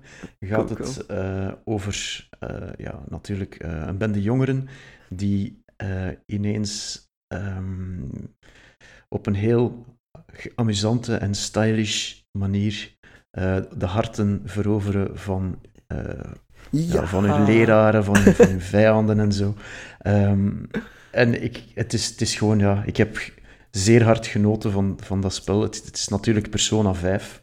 De, Niet de. Royal. eh, de Royal hou ik voor, voor later. Ehm, maar Persona 5 is voor mij het, een van de mooiste PlayStation 4 games die er, die er al zijn gemaakt. Gewoon eh, naar user interface toe was dat, was dat briljant. Dat was, dat was echt... Dat is, eh, dat is echt voor mij... Ja, dat, toen had ik echt door van, oké, ja, daar moet je dus ook aandacht aan besteden. Hè. Dat maakt of breekt een spel gewoon menus, of hoe dat, dat is opgebouwd, sfeer. En ah, het is ook gewoon een zeer amusante, amusante game, vind ik. Persona 5 duurt heel lang. Ja. Duurt echt verschrikkelijk lang. Ehm, en, dat, en op duur heb je zo'n een soort existentieel moment waarin dat je denkt, ik ben hier nu, een vol, allez, ik ben hier nu net afgestudeerd, um, of ik ben al zo lang afgestudeerd, ik werk al, en toch zit ik hier weer op de schoolbanken als jeugd. Ik ben tijd te verdoen met zo lezen. Japanse games, hè, waar anders dan in de klas aan het raam kan dat plaatsvinden. Ja, maar ik vind uh, ja, gewoon hoe dat heel dat verhaal in elkaar zit, uh, hoe dat, dat is opgebouwd, al die sidequests die er natuurlijk in zitten voor, die, uh, ja, voor al die tarot cards, personages eigenlijk, de, die dingen te unlocken voor meer monsters te kunnen maken. Mhm. Heel dat monster mashing, vermenging gegeven om betere monsters te krijgen. Dat is, het is zo diep, zo leuk. En ja, het doet me echt dat geeft mij echt een warm gevoel. En ook gewoon die finishing move, hè, dat iedereen zo scherm wordt. Gewoon één kleur, zij worden zwart. En dan uh, een beetje anime-style, echt over de top. Het is uh, de, dream, a weeb's dream, deze game. 100% akkoord. Hij staat er ook op die plaats. Allee, op een gedeelde plaats daar.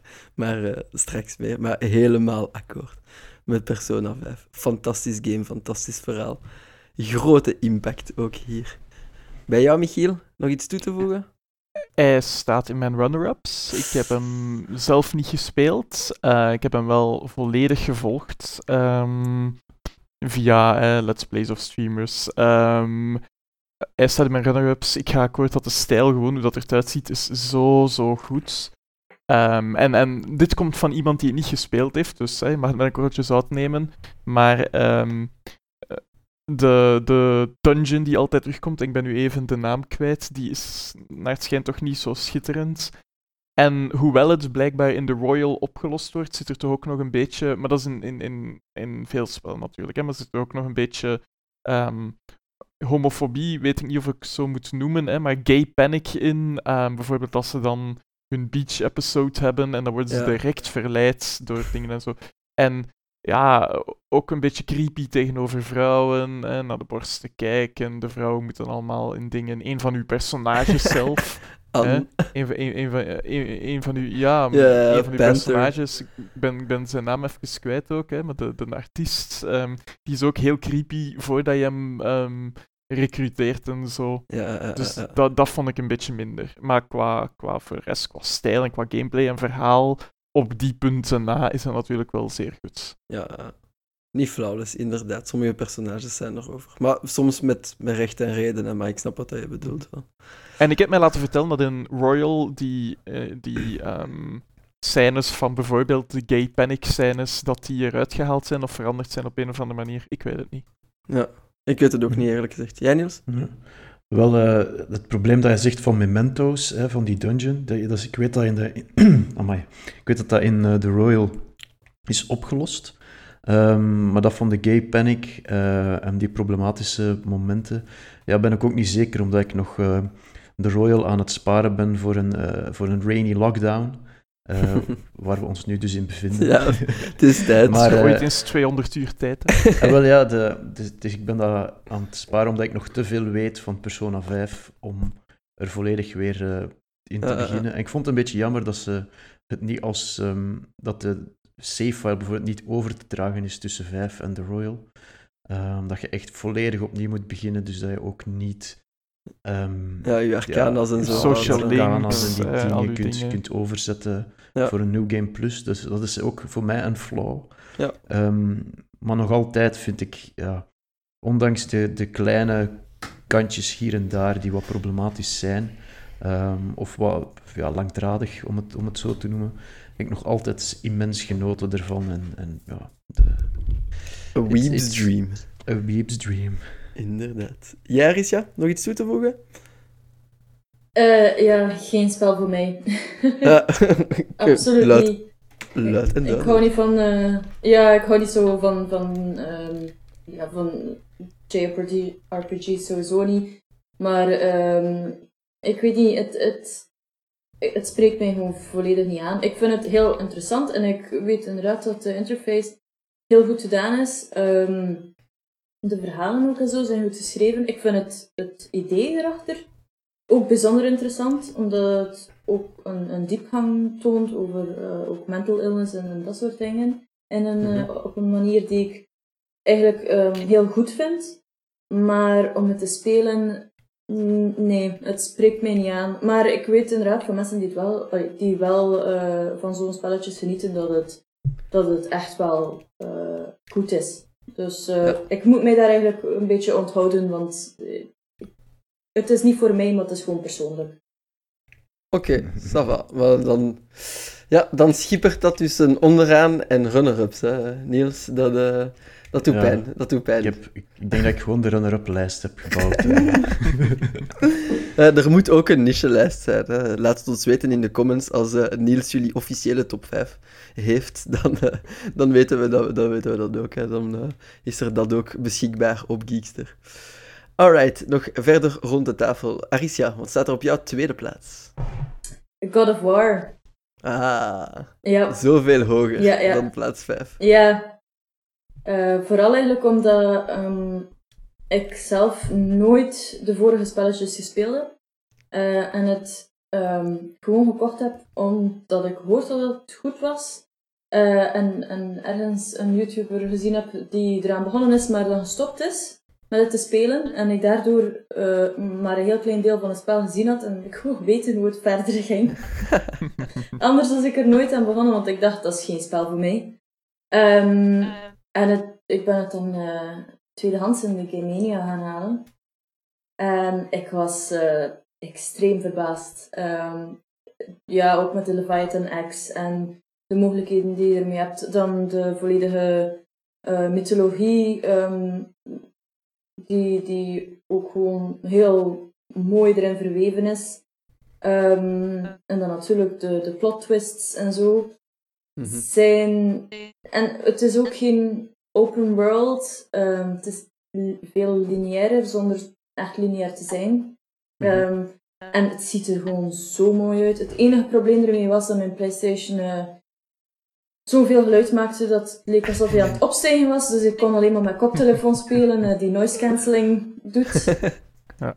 uh, Op de Pro uh, was dat probleem er niet bij um, God of War, dat weet ik wel. Oké, okay. is toch al ja. dat. Als die ja. Pro begint op te stijgen, dan hebben we toch een probleem. ja, kijk. ik ben ondertussen al gewoon toondoof geworden voor dat opstijgen. ik filter dat er al onbewust uit. Uh, geweldig. Maar ja, oké, dat is dus al de, de derde keer dat hij nu uh, in de top staat en bij u op de tweede plaats. Dus uh, God of War, enfin, terechte Game of the Year, wanneer was het? Twee jaar geleden dan? Ja. 2018 is hij uitgekomen. Ja, ja dus ja, terecht, terecht op onze lijstjes. helemaal akkoord daarmee. Michiel, ja, we weten dat jij daar ook helemaal akkoord mee bent, maar bij jou staat hij dus niet op de tweede plaats. Wat staat er daar bij jou? Bij mij staat er één en uh, misschien zou je gaan vermoeden, want uh, je weet wat dat mijn plaats 1 gaat zijn, maar misschien zou je vermoeden dat dit het, uh, het vervolg is van een ander spel, maar dat is het niet. Mm -hmm. um, het is de, het eerste spel uit een reeks die binnenkort een vervolg krijgt. Um, en gewoon qua fun factor heb ik maar één woord te zeggen en dat is webslinging. Want het gaat over Marvel's Spider-Man. Ah, een ongelooflijk ja. leuk open world game Um, ongelooflijk leuk om Spider-Man te zijn. Sinds Spider-Man 2 de beste webswing mechanics. Ja. Gewoon de beste webswing mechanics to En het is gewoon zo leuk. Hè? En daar juist um, hè, werd er bij um, No Man's Sky gezegd: kijk, als ik even niet weet wat te doen, of als ik even tijd heb, zet ik dat op en doe ik dat. Wel, dit is één, als ik echt niet weet wat te doen, dan ga ik gewoon een beetje webswingen. Zelfs zonder iets van de combat te doen. Maar de combat is ook heel goed, hè?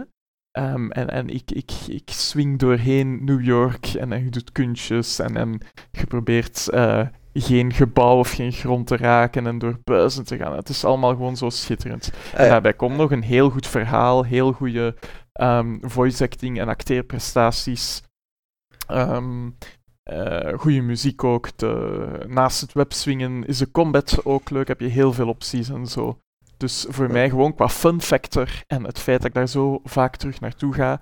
En in vergelijking bijvoorbeeld met Hitman 2, de laadtijden zijn veel minder en zijn ook leuk, want dan heb je leuke schermen om te zien intussen. Uh, daarom staat hij bij mij op plaats 2. Alright, het is wel interessant om te horen. Ik wist zelfs niet dat het, allee, dat het intrinsieke waarde had om het achteraf nog te spelen als een soort Tony Hawk-spel. Gewoon gaan in de open wereld en tricks doen en, en hard gaan. Dat is ook wel leuk eigenlijk om te horen dat dat allemaal ja, dat dat nog fun blijft na hoeveel uur de campagne voilà. ook mogen zijn. Dus Miles Morales binnen uh, dit en um, ik wil zeggen een maand, maar dat is niet waar. Hè? Een goede 10, 11, 12 dagen op het moment van deze opname. Um, dat gaat schitterend worden. Hè? Ja, uh, ja, spannend. Heel spannend. Uh, weten we wel wat dat ze kunnen verbeteren met dat op de PS5 is, of gewoon bigger, faster, stronger, better? Ja, bijvoorbeeld, ik zeg maar iets. Hè. Weet je nog de controverse van de plassen? Ja, ja van de reflecties. Dus um, de, de reflecties van de plassen zouden zogezegd in de E3-demo beter geweest zijn dan in het spel zelf, bla bla bla. Maar nu um, zijn alle reflecties 100%, heb ik gezien, um, in Miles Morales. Ik heb filmpjes gezien van PlayStation 5, dus ik weet niet wat dat de PlayStation 4-versie gaat geven. Maar de reflecties in de gebouwen, bijvoorbeeld, van Miles Morales zijn volledig. Aan de andere kant had ik mij laten vertellen, en ik weet niet dat dat nog altijd waar is, dat Miles Morales een korter spel ging zijn. Maar het kost wel nog altijd wat dan nu een, een volledig nieuw PlayStation 4-spel is. Dat is ook omdat ze de prijzen met 10 euro allemaal gaan verhogen nu dat de nieuwe generatie eraan komt. Dat is een beetje jammer natuurlijk. Maar um, ik weet niet of dat nog altijd korter gaat zijn, dus ik hoop dat het lang genoeg is. Want Spider-Man had een zeer degelijke lengte, zelfs als je alleen door het verhaal ging, maar zeker als je alles erbij wou doen. Um, en dan ook goede DLC. De DLC was niet even goed als het uh, hoofdspel, maar het was wel meer Spider-Man en meer. Um, hè, want dat heeft, Marvel, dat uh, heeft bijvoorbeeld Marvel Avengers niet, hè, waar dat je uh, schandalig veel kan, ik zeg niet moet, maar kan betalen voor de cosmetics. Maar in Marvel Spider-Man waren al die pakken waren gratis.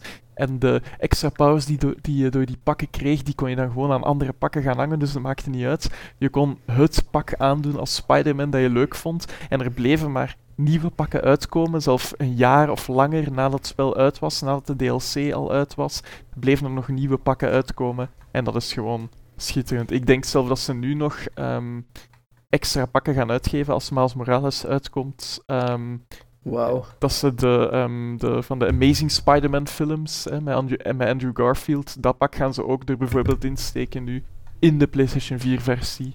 Ofwel alleen in de PlayStation 5 uh, eh, remaster, maar ik denk toch ook in de PlayStation 4 uh, eh, versie. En allee, het was gewoon zo schitterend. En, en ik zei het zo'n grote fun factor voor mij, dus uh, ja. daarom. Ja, lang leven Insomnia Games van zo'n good guys te zijn en dat ook zo goed te doen. volledig mee akkoord. Stond hier op de runner-ups. Ik weet niet bij jullie, Niels? Bij mij ook in de runner-ups. Omdat ik, ja, dat, het webslingen is inderdaad een van de meest wholesome experiences dat je kunt doen uh, deze generatie, denk ik, in, in een game. Ja. Uh, dat vind ik ook echt zeer hard de moeite. Zou zijn game op zich mogen zijn. Webslinging.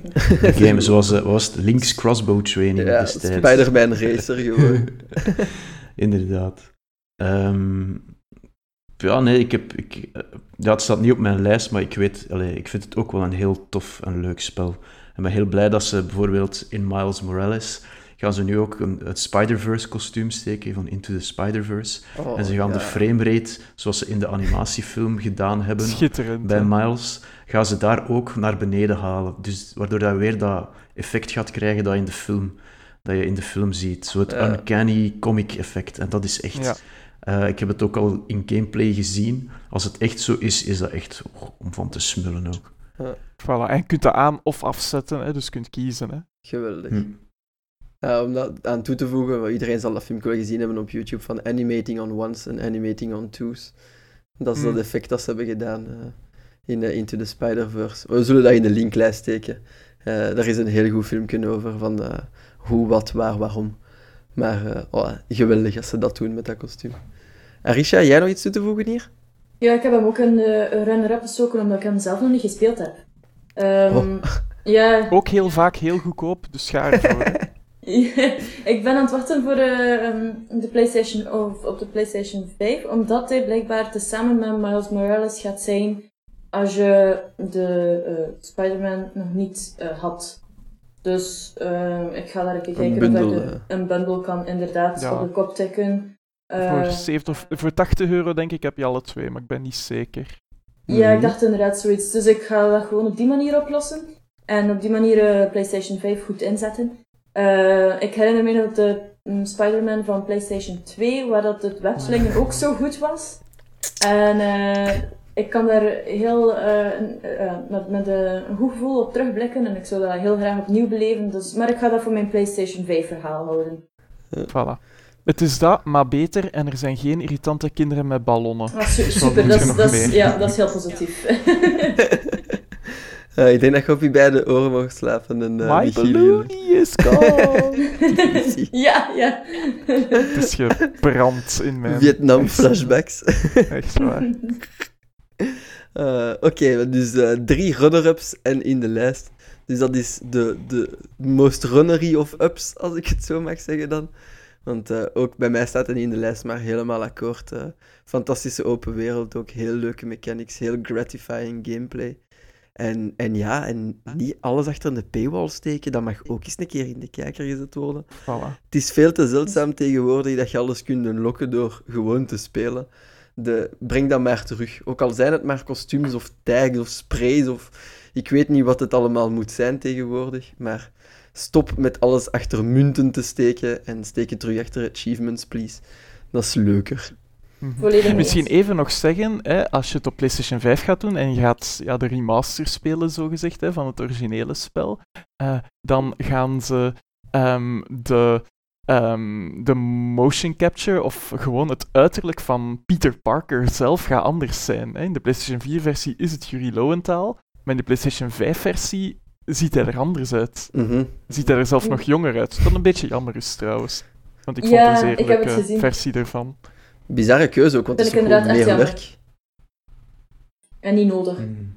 Ja, ook. Maar uh, ja, het is in plaats van het gewoon zo te laten, nu moeten ze iemand anders mokappen en doen. Bizarre keuze. Alright, oké. Dus uh, dat is plaats 2. Uh, eh, ik ga ook eventjes mijn kaart op tafel leggen, maar ik denk dat dat ook in de runner-up lijst gaat belanden, tenzij dat Niels en Arisha nu zeggen dat hij bij hun op 1 staat. Wat ik betwijfel. Nier Automata, iemand? Hm. Runner-up. Dat is, uh, ik heb hem er niet in, maar... Niet Een mooi spel. Een prachtig spel. muziek um, doet u ook zo nadenken over uw eigen bestaan. maar het, uh, bij mij zat het ook wel in de runner-ups, omdat ik vind, ik heb de game... Ik moet de game eigenlijk nog eens extra beleven. Ik ben... Uh, dit was het, het, breekt zo met alle conventies en dat maakt het voor mij ook wel heel interessant. Mm. Um, maar ik heb het niet genoeg beleefd om het echt in mijn lijst uh, te kunnen zetten. Ja, dat is, ik, ga, ik ga daar niet te veel woorden aan vuil maken, want dat zal een duidelijke runner-up zijn, maar ik wou het toch ook even in de kijker zetten. Voor mij staat hij zo hoog op de lijst, omdat dat een verhaal is dat in geen enkel ander medium kan verteld worden dan in games.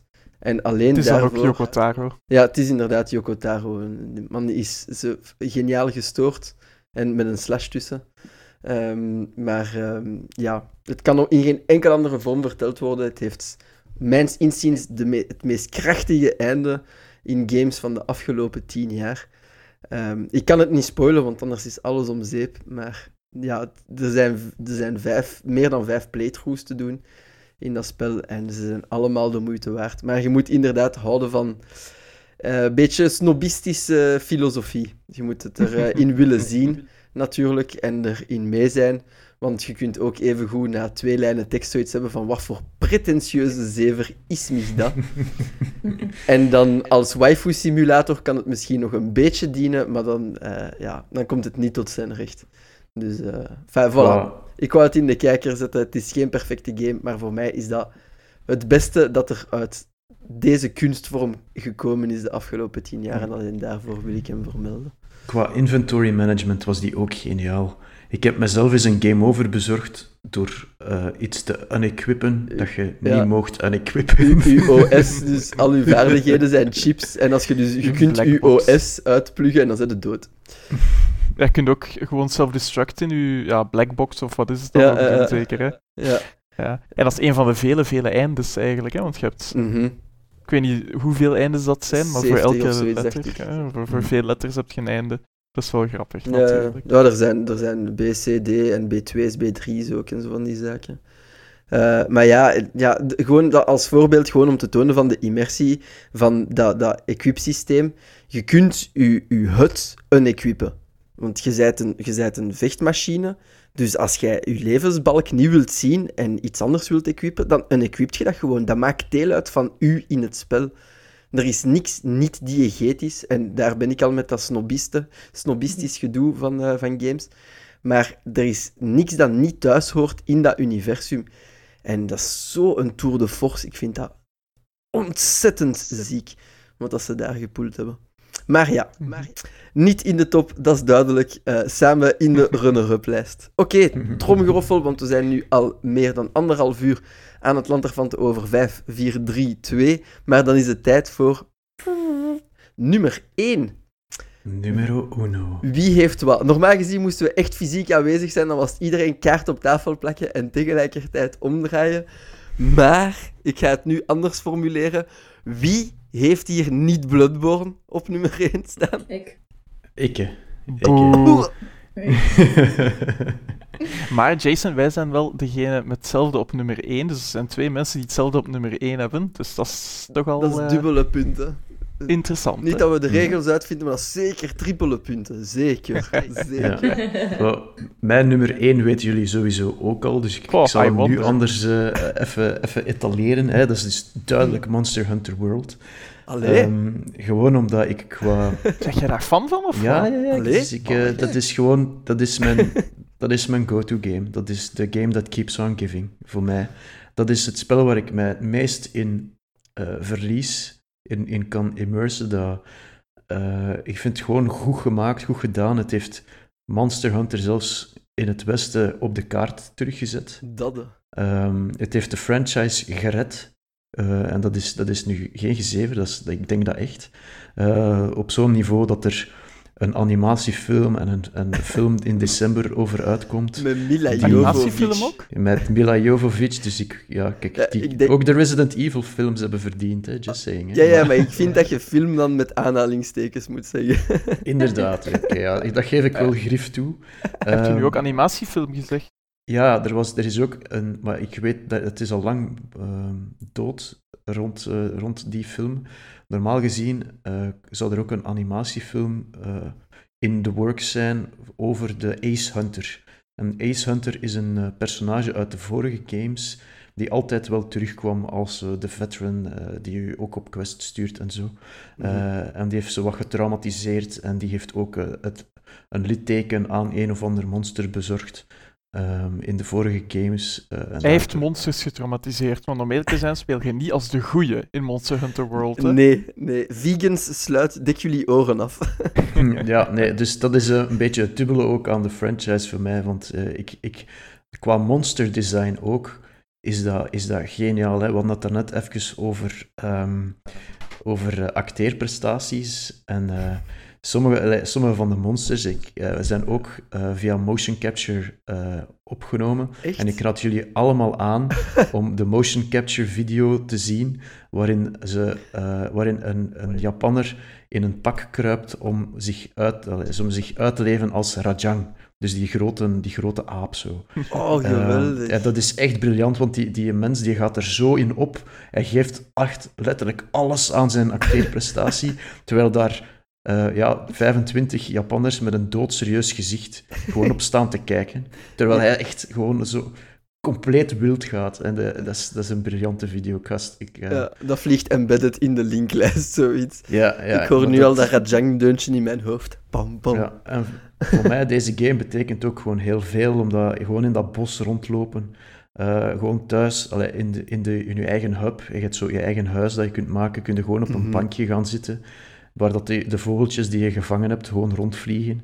En ik heb mij al meermaals daar gezet, gewoon om wat te, te chillen. Dus ik, ik vind het echt een, een mooie game. Het is ook heel gelaagd qua technische diepgang van hoe dat de wapens in elkaar zitten. Uh, het gedrag, het, het, patroon van de, van de dieren leren kennen, alleen van de monsters, om ze te kunnen verslaan. Hè. Dat zijn patronen die ook een beetje doen denken aan Bloodborne en aan, uh, maar dan easier natuurlijk. Mhm. En uh, ja, gewoon alles daaraan voor mij als monsterfan, uh, ja, dat ja. It, just scratches my itch. Ja.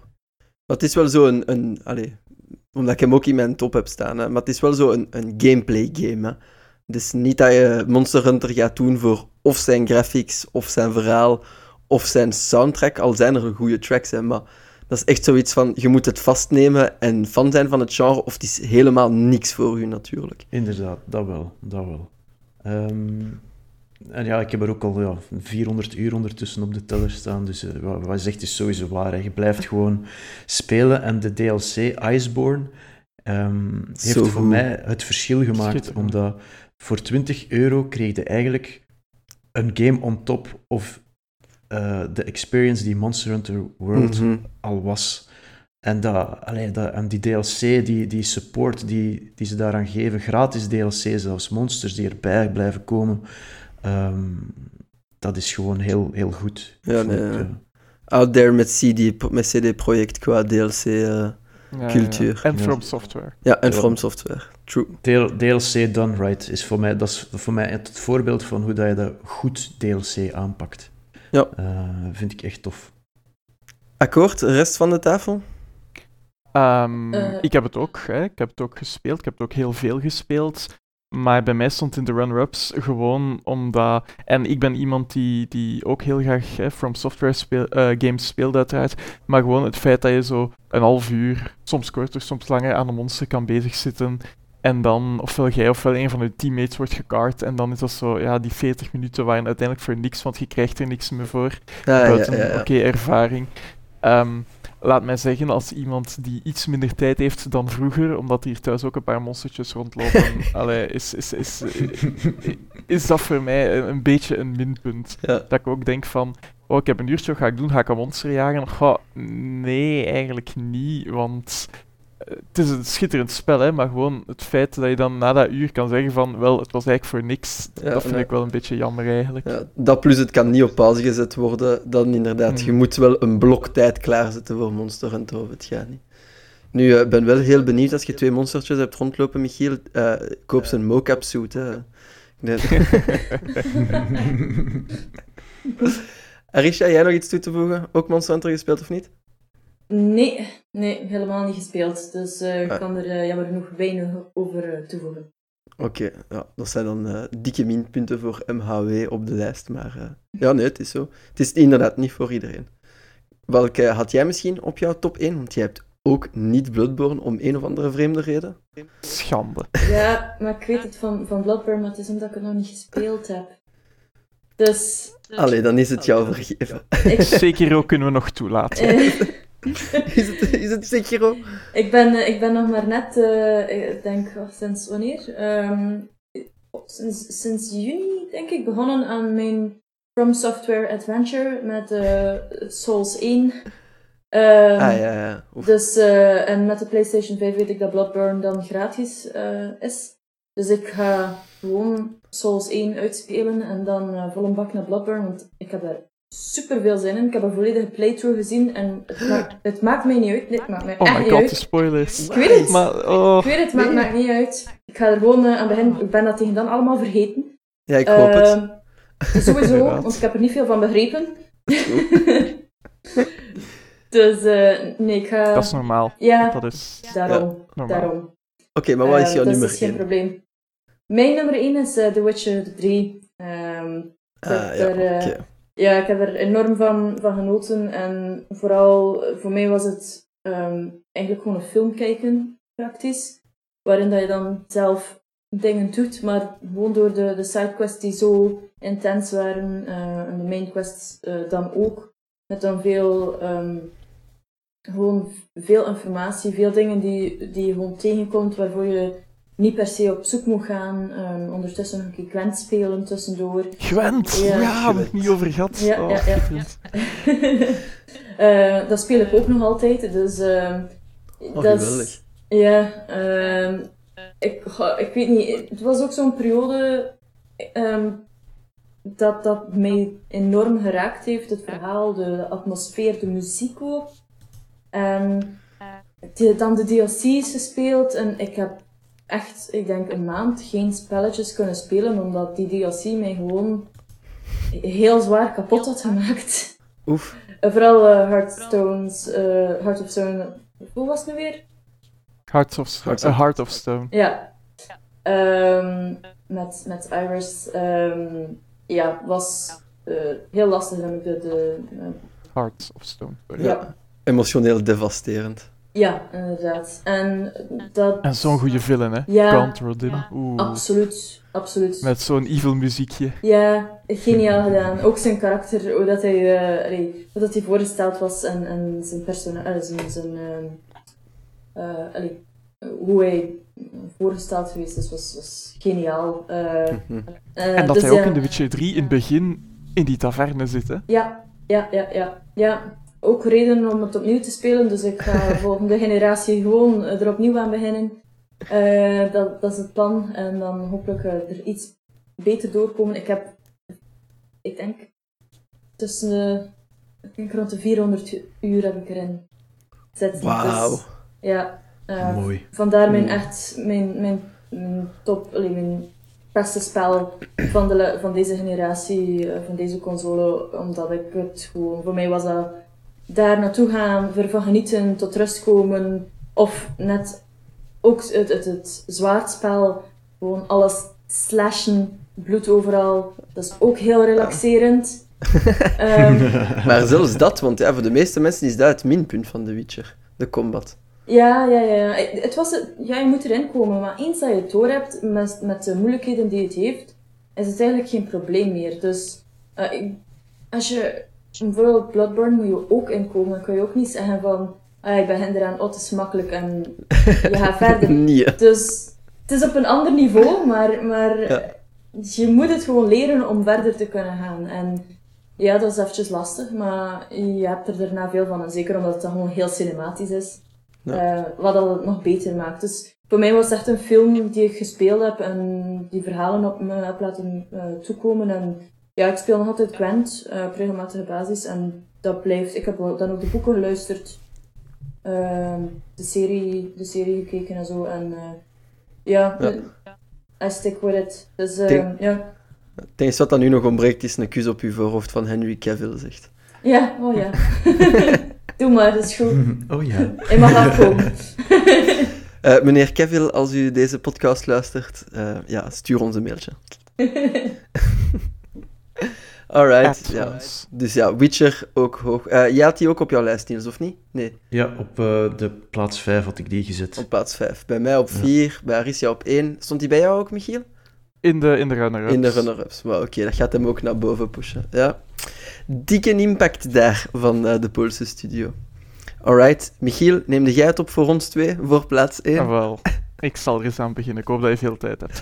Nee, uh, voordat ik eraan begin, hè, want ja, het gaat uiteraard over Bloodborne. Hè, daar, gaan we, uh, daar gaan we niet flauw over doen, dat, dat is al heel duidelijk. um, maar um, dat juist zei van, hey, op PlayStation 5 gaat hij gratis zijn, maar ik denk zelf dat hij op PlayStation 4 gaat gratis zijn. Hè. Die um, nog beter. Super PS Plus uh, collectie, waaronder ook Persona 5 bijvoorbeeld, dacht ik. Ja. Die gaat ook voor gewoon mensen die PlayStation Plus hebben, weliswaar, gratis zijn. Hè.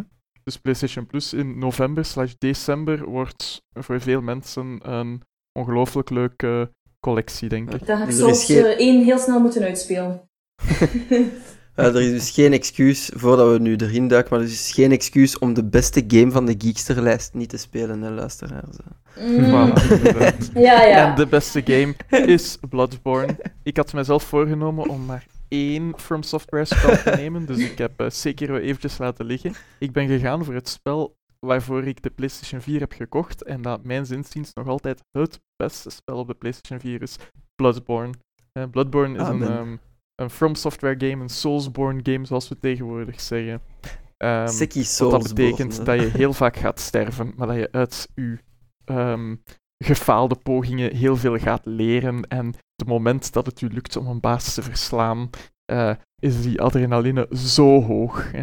Daarnaast heb je ook ongelooflijk goede level design. Mm -hmm. um, die, waar dat je altijd uh, heel goede shortcuts in vindt en zo. Um, natuurlijk is het verhaal, ja, het verhaal, hè, als je zegt van ik begrijp er niks van, dat is normaal. Hè?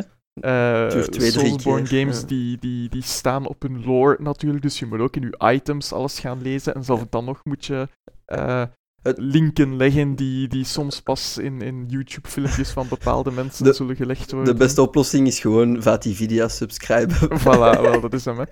Ehm, Maar, maar zelf als je niks van begrijpt, gaat op een bepaald moment, hè, want het begint Victoriaans en met weerwolven en monsters. En het is qua sfeer al zo goed. En zo, laten we zeggen, 60%, 70% in het spel zal je mond echt wel openvallen. Ja. Daarbij komt natuurlijk nog dat je, zoals bij vele Soulsborne games, ongelooflijk goede builds uh, kan maken, verschillende builds. De combat is zo leuk, is veel sneller dan in Dark Souls. En agressiviteit wordt beloond. Je kunt niet meer achter een schild u verbergen. Mm -hmm. in je linkerhand, je kunt een schild hebben, maar het is geen goed idee. In je linkerhand is het eigenlijk beter om een pistool te hebben en daarmee je vijanden te pareren. Dat is keizalig. en de ehm, muziek, Michiel. De muziek natuurlijk ook, hè. Ja, maar ik ben er nog niet, hoor. um, ik, was, ik was nog even bij de gameplay. Um, Sorry, ik heb hier van uw melk Je kunt zoveel verschillende wapens gebruiken. Die wapens hebben verschillende stances. Hè. Dat is dan ook... Allee, twee verschillende modussen eigenlijk. Uh, dat is dan ook in de DLC nog uitgebreid. De DLC was natuurlijk ook schitterend. Zoals gezegd, hè, de muziek is, uh, is zalig. Hè. Um, het is een spel uit 2015, dus qua graphics zijn er spellen die nu veel beter uitzien natuurlijk. Maar qua sfeer uh, zijn er nog altijd niet veel games die, die aan die sfeer um, en aan die immersie qua sfeer uh, kunnen komen natuurlijk. Hè. er zijn één of twee minpuntjes, dat ga ik toegeven. Toen dat het uitkwam waren de laadtijden, maar we spreken nu over 2015 natuurlijk, de laadtijden waren heel slecht. Nu zijn ze verbeterd, ze hebben dat met een patch verbeterd. Ze hebben bewezen dat je je spel kunt patchen om de laadtijden te verbeteren. Wat dat op zich al ongelooflijk uh, interessant is natuurlijk. Ik ken ook echt geen enkel andere game dat daarin geslaagd is. Hè? Om dat ooit te doen. Nee, Monster Hunter World heeft dat ook gedaan. Ja? Denk ik. Met Iceborne hebben ze de, de laadtijden ook aangepast. Dat die sneller waren van de, ah, van de main quest. Ah, oké. Want ik ben permanent gemigreerd naar PC omwille van de laadtijden. Dus dan is het wel goed nieuws. Ja, maar inderdaad, zot dat ze daarin geslaagd waren toen. Zeg maar, ja, dus, ja, ze hebben de, de laadtijden die in het begin niet zo goed waren, hebben ze verbeterd. Hè. Er is ook een concept dat heet de Chalice Dungeons en uh, niet iedereen kan die pruimen. Ik heb ze volledig gedaan, maar als ik het er speel, doe ik ze ook niet meer volledig. Um, ik heb ze in tijd volledig gedaan en dat was op zich wel amusant, maar het is heel veel hetzelfde, de Chalice Dungeons. Ja. Maar dat zijn eigenlijk mijn twee enige beetje negatieve punten. Hè. Dus dat de laadtijden ja, ze zijn nog altijd niet van niveau Ghost of Tsushima nu, hè, maar, maar ze zijn toch al veel beter dan vroeger. Um, en de challenge dungeons zijn niet zo, niet zo um, interessant misschien. Maar voor de rest is het gewoon zo zalig om dingen te ontdekken, uh, om het te spelen, om bazen te kunnen verslaan. De muziek is goed, de sfeer is goed. Ja. Uw mond gaat echt een paar keer openvallen. En ja, het is gewoon mijn favoriet From Software spel, mijn favoriet spel op de PlayStation 4. En als het niet mijn favoriet spel to koer is, was waarschijnlijk nog altijd Final Fantasy 7, de originele, uh, zit het toch ook heel hoog in mijn lijst van alle games ooit. Same hier. Dat zit er echt vlak naast als het niet nummer 1 is. Dat de, de sfeer, dat verhaal, die personages, alles is daar zo geweldig geslaagd in. Het is, uh, ja, het is gewoon een beetje verouderd qua graphics, maar zelfs als ze dat uh, ooit uitbrengen op PC, wat dat ze niet gaan doen, omdat dat, dat is de console, uh, hoe noemen ze dat, killer app? Dat zo console verkoopt. Maar als dat ja, ooit op... console seller of, of uh, zoiets, ja, ik weet niet. Maar als dat op PC zou uitkomen, dat zou zo magnifiek eruit zien. Maar uh, ja, ik kan niks toevoegen, Michiel, je hebt alles gezegd. Uh, Bloodborne is live. Dat... Ja, ik moet ook wel zeggen dat Bloodborne, als je die game start en dat gevoel dat je dan krijgt, die sfeer waarmee dat je direct overweldigd wordt, direct ook tegen die, die weerwolf daar moet vechten, dat je hebt nog geen idee wat je aan het doen bent. Dat, mhm. de, de sense of dread, dat is echt bijna Lovecraftian en dat vind ik super mooi. Mm, binnen. Een hoente, maar maar het is echt wel horror vanaf seconde 1. Ah, ik, ik, moet eerlijk toegeven, de eerste run, want dat is ook altijd het speciale van die Souls games, maar de eerste run zat ik echt op het puntje van mijn stoel. Hè. Dat is ook wel echt krachtige horror, vond ik. Allee, er zijn daar een paar concepten in. Mensis, voor wie het uitgespeeld heeft, zal het wel iets, uh, zal het iets zeggen. Maar gewoon het concept van die, de, de, dat oog. En de, dat, dat, allee, beeld u in. Beeld u dat gewoon in. Dat is absolute horror. En I love it. Spuit het in mijn aderen graag. en zoals ja, gezegd was de DLC ook schitterend, hè? Sorry, zeg maar, Arisha. Ja, ik zei dat, uh, dat die horror wel uniek is. Uh, de manier waarop dat ze het gedaan hebben. Ik denk niet dat ik... Uh, ik, ik, ging geen Souls spelen. En sinds ik dan die playthrough ben beginnen kijken, ik dacht van, dat is gewoon zalig. Dus, ja. ja. ik, moet, ik, ik, moet wel zeggen, qua Soulsborne game is het niet degene waar ik het meest van uh, geniet. Uh, van Bloodborne. Ik vind het een goede game en het is leuk en de stijl is nice. Um, het is ook heel frustrerend voor mij. En ik vind uh, bijvoorbeeld Neo 2 nu, eigenlijk vrij recente game, die, daar, ik geniet daar meer van, van, van die game, omdat die misschien iets toegankelijker iets, is. Iets toegankelijker, uh, easy mode, het is ook geen From uh, software game. Um, Team Ninja zeker. Ja, ja. Team Ninja. Die ook wel hun stuff kennen, hè? pas op. Ja, ja, maar jammer genoeg van de, ah, jammer van de inventory management. Hè. Ja, in dat uh, wel. Wow, Nio, Nio 2. Niet dat Bloodborne uh, zo'n bien inventory heeft, ook niet natuurlijk. Ja, nee, nee, maar je moet niet tussen elk gebied uh, vijf tot tien tot zelfs langer minuten in je menu zitten om alle dingen die je niet wilt weg te doen. Dat is wel waar, dat is wel waar. Alright, uh, één uur en drie kwartier ver in deze podcast. We gaan de harde keuzes nu moeten maken. We zullen van boven naar beneden gaan. Hè. Ik heb hier ongeveer een beetje zitten turven. The Witcher 3 hebben we drie keer en een runner-up. Maar Bloodborne hebben we twee keer op plaats 1. Wie mag die spot claimen? Wat beslissen we, team? Ik, ik heb hier alle um, games die iedereen zei van ofwel staat in mijn top 5 ofwel in de runner-ups, of het is gewoon heel goed, maar ik heb het niet gespeeld. Heb ik hier aangeduid. En dat zijn, eh, even voordat we beginnen, zeggen Bloodborne, uh, Spider-Man, Hitman 2, God of War, Witcher 3, Red Dead Redemption 2 en uh, Nier Automata. Ja, en, um, en Monster Hunter. Voilà. En plaats 1 is natuurlijk Bloodborne. Allee, ik weet niet wat voor een vraag dat is. ja, ik, ik, moet, ik moet unbiased lijken, maar ik kan dan dus niet zijn. Hè. Ik wil gewoon dat Niels en Arisha zeggen oh, van ja, tuurlijk is Bloodborne 1. Wel, uh, Bloodborne mag voor mij op 1 als één game uit mijn lijst ook nog in onze Nee, ik zou zeggen Bloodborne 1 en Witcher 3, omdat we het allemaal zo goed vinden, uh, dan um, op 2. Zien jullie dat zitten, Niels en Arisha? Ik kan daarmee leven. Ja, vooral omdat ik Bloodborne nog niet gespeeld heb, maar weet eens ik het gespeeld ga hebben, dat ik het er ook wel van weg ga zijn. Het is niet The Witcher, maar uh, ja. We hebben al de toekomststem van Arisha. Yes! Voilà.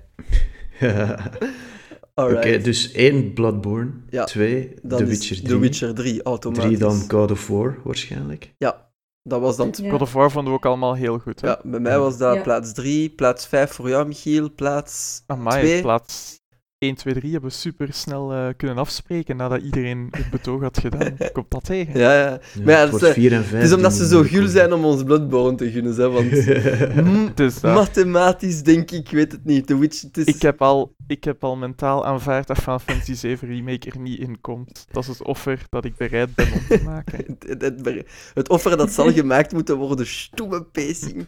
Stoeme, stoeme pacing. Nee, maar wat we wel kunnen doen, ik heb misschien wel een idee, dan is het fair. We zetten gewoon op plaats 1 Bloodborne. En dan in het artikel zetten we plaats... Opnieuw bij The Witcher zetten we ook plaats 1. En dan bij God of War plaats 3. En de mensen die gaan, die gaan dat niet zien. Ah ja, gedeelde eerste plaats. en dan... Ja, ja, ja, ja. ja die gaan gewoon scrollen, staan mijn game daartussen. En daarmee, daarmee zijn we... Zijn en, en, en de goden blij en de lezers blij. Ik ben voor, ja. dus plaats 1, plaats 1 en plaats 3 zijn beslist. Dan hebben we nog plaats 4 te beslissen. Er is twee keer Monster Hunter World gevallen. ik wil maar zeggen. Maar niet meer runner-up, hè. dat is ook mm. waar. Red Dead Redemption Ik wil ook zeggen dat heel veel mensen uh, waren positief in ieder geval over Hitman 2, ook al waren veel mensen het jammer genoeg vergeten. En ook heel veel mensen waren positief over Spider-Man. Dat is ook waar. En Red Dead Redemption. En Red Dead Redemption 2, dat is en waar. Dus... Persona 5 niet vergeten, hè jongens. Ja, maar daar zijn we maar met twee, hè. We hebben, want, want, Zoals in mijn Bloodborne bedoel je? Ja, maar eh, oh, Bloodborne is twee keer op de eerste plaats. Hè. Ah, Persona ja, is runner-up en twee. Bloodborne had de meeste kiesmannen. oh ja, want dat is een heel goed democratisch systeem. Andere podcast. Ja. nee, ja, inderdaad. Um, ja, hoe gaan we dat beslissen? Eventueel uh, het belang in, uh, in de gamecultuur, de impact van ja, Spider-Man, Hitman, Red Dead Redemption, zeg maar eens. Ja, ja, allee, of, dat ze, of dat ze exclusief zijn voor, voor PlayStation, maar ik weet niet of dat echt belangrijk is, ehm, in de lijst staan. Op zich, op zich niet, het helpt. Hè. Het, het is al allee, straf. Witcher is ook niet exclusief Nee, voor waar. PlayStation. Maar we hebben, we hebben Bloodborne en God of War. Allee, dat is echt al een stevig testament naar de first-party games van... Enfin, de exclusives van Sony. eh. Wat mij dus... En ik zou, ik zou niet liever hebben dan dat Bloodborne en God of War en al die andere exclusives ook op andere consoles komen trouwens. Ja, hè. het zal Wat mij wel verbaast, is dat niemand The Last of Us 2 heeft gezegd. Die- Die Ja, staat net zoals Uncharted 4 in mijn runner-ups. same, Ja. same. Maar ja, net En, niet eh, impactvol genoeg, vind ik. En Horizon ook. En trouwens. Horizon Zero Dawn ook niet, hè? Maar we, komen, we komen nog tot de, tot de quickfire. Maar het waren de beste vijf, Niels. De beste vijf. The Oké. juiciest of the juice. The juiciest. Oké, Ja. wat beslissen we? Dan RDR? zeg ik Red Dead op 4. Ik, ben, ik neig ook naar Red Dead, Hitman of. Spider-Man. Ik zou Spider-Man Oh. eh, opteren. Spider-Man van Niels. Michiel? Het stond in mijn lijst ehm, en het stond boven Hitman voor mij. Ik vind het jammer dat Hitman uiteindelijk niet in de top 5 komt, maar, want het is een schitterend spel. Hè.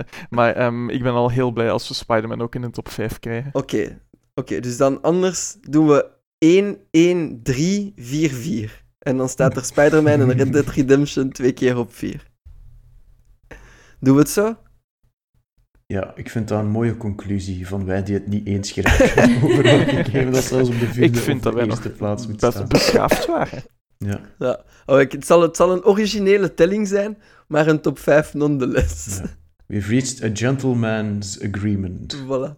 Dus dan, eh, eh, congratulations, Spider-Man en Red Dead Redemption. Eh, allebei open werelden met totaal andere, eh, hoe moet ik het zeggen, perspectieven. Maar dus de fun open wereld en de immersive open wereld. Welkom op plaats 4. Well done. Alright, de laatste plaats. Wie mag, eh, wie is de hekkensluiter? Ah, Hitman 2 dan, hè. Hitman 2, Hmm. Persona 5, No Man's Sky. Monster Hunter World, die zou ik, eh, zou ik naar voren schuiven hier. Just Ik- saying. Ik zou, willen Ja. bij, ik zou willen bijdragen, want ook voor mij heeft dat een grote impact. Maar ik, het is gewoon... Allee, ik denk dat het... Het is te hit or miss en te gefocust op gameplay om te horen tot de allergrootste. Dat is like zeggen van, ik heb zoveel uur op World of Warcraft. Is World of... enfin, misschien World of Warcraft een slecht voorbeeld. Ik heb zoveel uur op Guild Wars. Is, Guild, is dat leuk? Ja. Is dat de meest toonaangevende MMO die er ooit was? Hmm. Misschien niet. Wat denkt u, Niels? nee, nee, nee, dat is oké. dat is oké. dat is, eh, ik, ik kon maar proberen om mijn Ah, ik, eerste plaats erin te Het smijten. is dat ik u zou willen bijstaan, hè, maar dan vind ik, dan vind ik Persona, dan vind ik Hitman ay, belangrijkere games om in die lijst te krijgen dan Monster Hunter. Ja, klopt. Dan eh, verander ik mijn mening naar Persona 5 or die. En voor jou, Arisha? Welke moet daar komen? Ik ben op dit moment... Het het zijn allemaal runner-ups voor mij eigenlijk. Ehm, ik zou... Ik ben aan het twijfelen tussen Horizon Zero Dawn, Ghost of Tsushima en eh, Hitman, waarvan ik enkel Horizon volledig gespeeld heb. Ah, zelfs niet Assassin's Creed op eh 5 proberen te krijgen. Dat weet ik al dat het een verloren zaak is, dus jammer genoeg. Oh, garme. Het blijft voor mij op 4, hè, dus dat is oké. Ehm, In jouw hart. Maar we Ja. hebben nu al vijf games eigenlijk. En we willen dan voor plaats 5 nog een game doen. Dus we kunnen mm, een gedeelde plaats 5 ook doen. En dan hebben we zeven games in totaal. Perfect. Eh, weten we direct of dat onze lezers en luisteraars kunnen tellen. dat is ook wel een goede check. Dat is een beetje vals spelen van ons natuurlijk. Hè. Maar een gedeelde vijfde plaats zogezegd voor eh, Niels, Monster Hunter World en Hitman 2. Of Persona 5 en Hitman 2. Hitman. Dan zou ik eerder daarvoor gaan, ja. Ja. Dan Hitman Persona. Dan misschien, misschien Horizon ook nog bijsmijten, want er staat hier ook hoog bij mijn runner-ups. Ik weet niet bij jullie. Ja, ja, ja, dat is een schitterend spel, hè. Dat is ook Maar keigoed, hè. ik, ik, had, ik had qua open world game had ik Spider-Man gekozen. Ik had echt per genre gekeken van Ja, ja, ja. waarom staat die wel... Eh, Red Dead Redemption stond bij mijn runner-up, stond niet tussen mijn top 5, maar gewoon omdat qua open world game vond ik Spider-Man leuker. Ik vind, eh, als we nog over open world runner-ups spreken, dat we toch Ghost of Tsushima niet mogen vergeten. Nee, nee, nee, nee. Eh, nee. ik, heb, ik heb echt Schitterend. hè. bijna geweend bij het einde van, die, van dat verhaal. Dat was... Damn it. Damn, dat was goed. No, Jin, you can't place two games on the same spot. It is dishonorable. Uh, ja, Ghost of Tsushima staat er hier ook tussen uh, op de runner-ups. Ook, uh, maar net als uh, Arisha ook, omdat ik het nog wil spelen en dat ik het al een, een toekomstige vote geef. Mhm. Um, ja, gedeelde vijfde plaats, Hitman, Persona. En als we dan toch gedeelde vijfde plaatsen aan het uitdelen zijn, dan kunnen we daar evengoed nog uh, Horizon Zero Dawn bij kletsen. sowieso, sowieso. Ja, Al- mijn grootste probleem met de Horizon was dat het, ehm, het verhaal mij gewoon niet echt aangegrepen heeft. En vandaar- Allee. Ja, ik- misschien omdat ik juist uit The Witcher kwam of zo, ik weet het niet. Maar, maar het heeft mij echt niet zo kunnen pakken. Het- De, de, de gameplay en, en hoe dat eruit zag, echt wel. Maar het verhaal, nee. Vreemd genoeg. Oh Ik nee, vond dat een keigoede eco-tail. Michiel ook waarschijnlijk. Ja, ik, Ik, ik vond net inderdaad de manier waarop dat je ontdekt wat dat er nu eigenlijk allemaal gebeurd is, vond ik zo zalig. En het moet gezegd worden, fuck Ted Faro. ja. Ehm, Maar ook gewoon dat be, eh, na een tijdje in het basisspel, niet meer in de DLC, in het basisspel waren de animaties in gesprekken na een tijdje niet meer zo goed. Maar het eerste uur, dat zou zo een animatiefilm kunnen geweest zijn. True. Het was zo goed gedaan. He speaks the Ja, ik truth. vond het een beetje doorzichtig. Dus. Ja. Oké. Oké, Horizon Zero Dawn, het verdeelt. Dat is de laatste van de gedeelde vijfde plaats dan. Oké, dus vijfde plaats Persona, Hitman 2. We zijn vuile cheaters. Ja, hey. Hoe, mo- hoe moeten we dat hier anders juist doen? First Als we, er nog, als we er nog drie bij gooien, hebben we een top 10, hè. Ook waar. Please no, please no. Wacht, wacht, wacht. Ik vind het al indrukwekkend dat we eigenlijk heel snel die top 3 eh, in orde hadden. Het is, het is, ja, het is unaniem bijna, dus eh, zo goed waren die spellen. Hè. Voilà. Alright, dan, eh, dan is dat geklonken. Het is een onorthodoxe top 5, maar dan kunnen wij aan de slag voor het artikel. Dan misschien afsluiten met gewoon een quickfire ronde. In één zin waarom dat je het zou moeten spelen, kan iedereen zijn runner-up lijst afschieten. En hoe gaan we dat eigenlijk aanpakken voor het artikel? hè? Gaan we die daar ook gewoon in plakken, de runner-ups?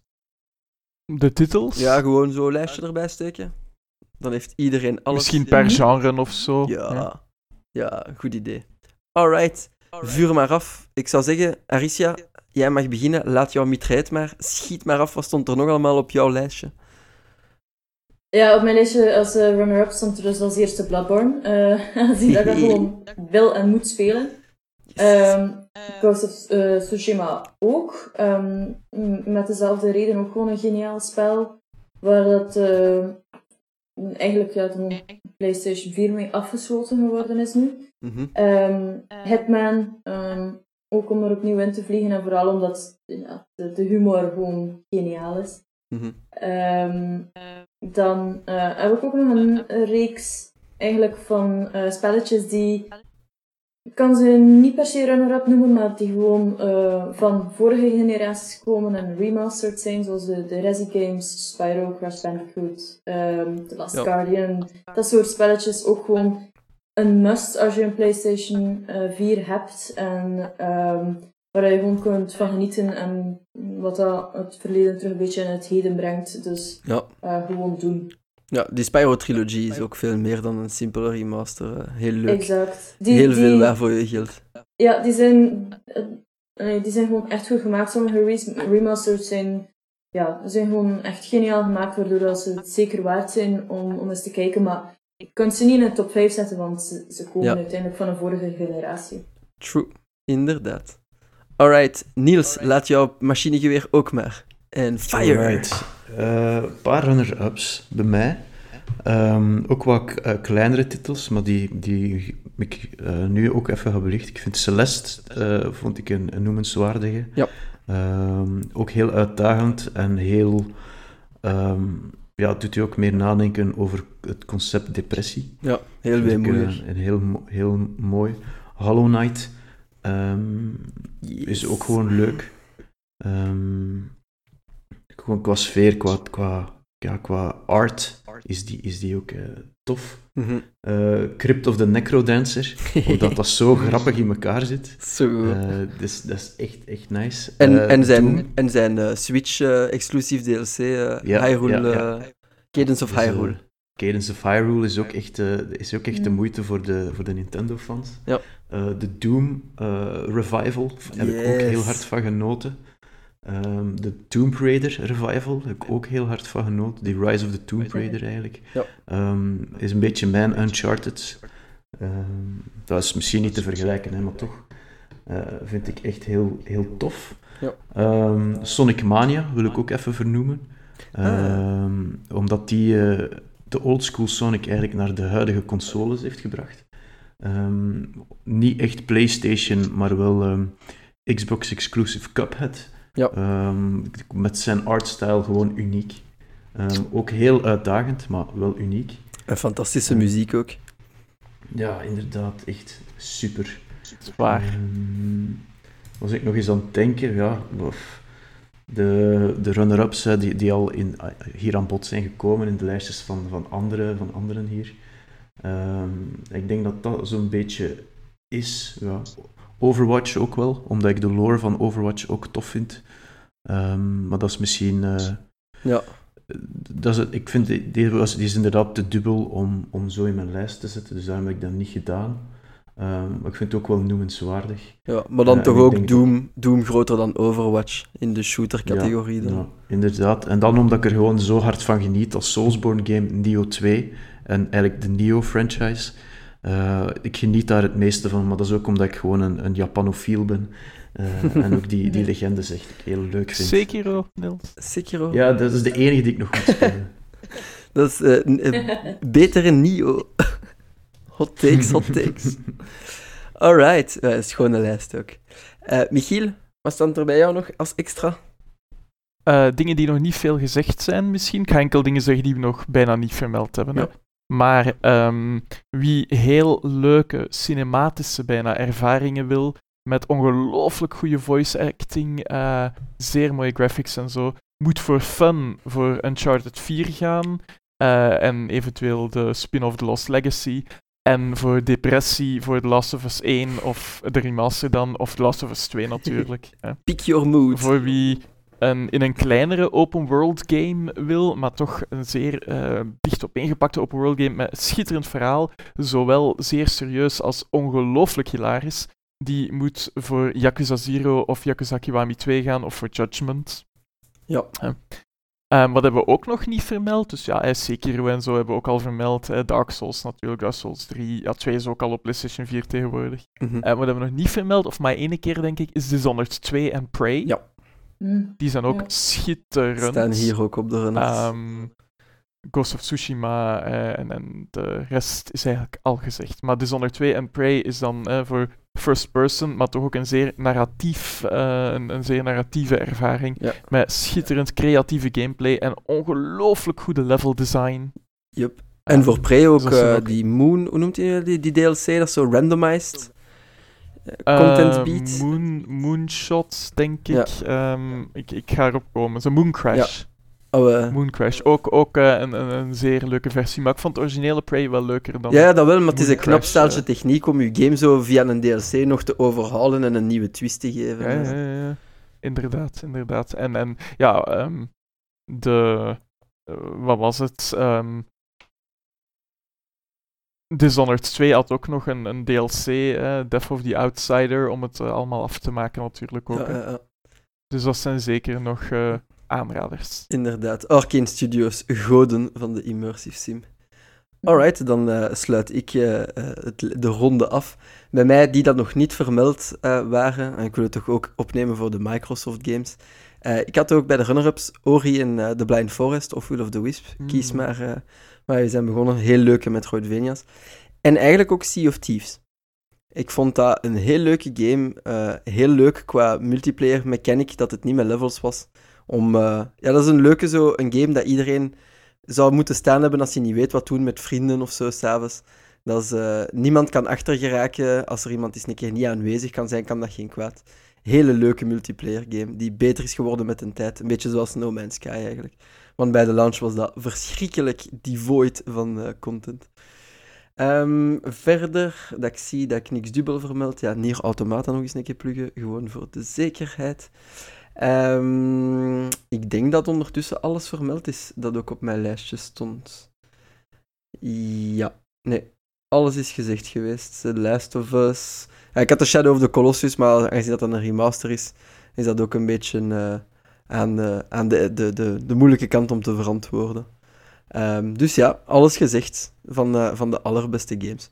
Waarschijnlijk hebben we er 10.000 miljoen gemist, waaronder niche anime-titels en nog meer fighting games. En, en belangrijke free-to-play games, want dat is ook, hij heeft ook een enorme opmars gemaakt in deze generatie. We zijn gegaan van uh, free-to-plays, zijn cash grabs uit Korea, naar Warframe, Fortnite en Brawlhalla zijn iets wat de meest gespeelde games tot nu toe. Um, dus ja, ik denk dat wij alles gezegd hebben hier, tenzij dat ik mij vergis. Willen jullie nog iets toevoegen? Michiel, Niels, Aricia? Um, Metal Gear Solid 5 was natuurlijk wel goed. Um, ja. Ook waar. Um, Infamous vond ik ook wel. Second dan en First Light. Die waren ook uh, zeer ja. fijn. Dat was mijn introductie tot Troy Baker. En sindsdien zit hij in elk spel eigenlijk. Um, maar zoals gezegd, en ja, ik ga ze nu niet allemaal opnoemen, maar moet zeker eens opzoeken wat dat er in de PlayStation Plus Collection komt vanaf november. Want dat is toch een zeer mooi uh, nieuw aantal games, waaronder heel veel die we vandaag uh, hebben vermeld. Ja, ja, Ook Monster Hunter World, by the way. Just, just saying. Op en Persona en Uncharted op en Bloodborne. Monster Hunter is wel op eigen risico betreden, hè, luisteraars. Het is niet voor iedereen, maar als het iets voor, jullie, als het iets voor jou zou zijn, let op, hè, want daar kruipt ineens 800 uur in en je hebt niks gezien. Hè. Dus... Uh, Wees daar voorzichtig mee met Monster Hunter World. Dat kan een drug zijn. Voor mij mag dat geclassificeerd worden als harddrugs. Ik zeg het er maar gewoon bij.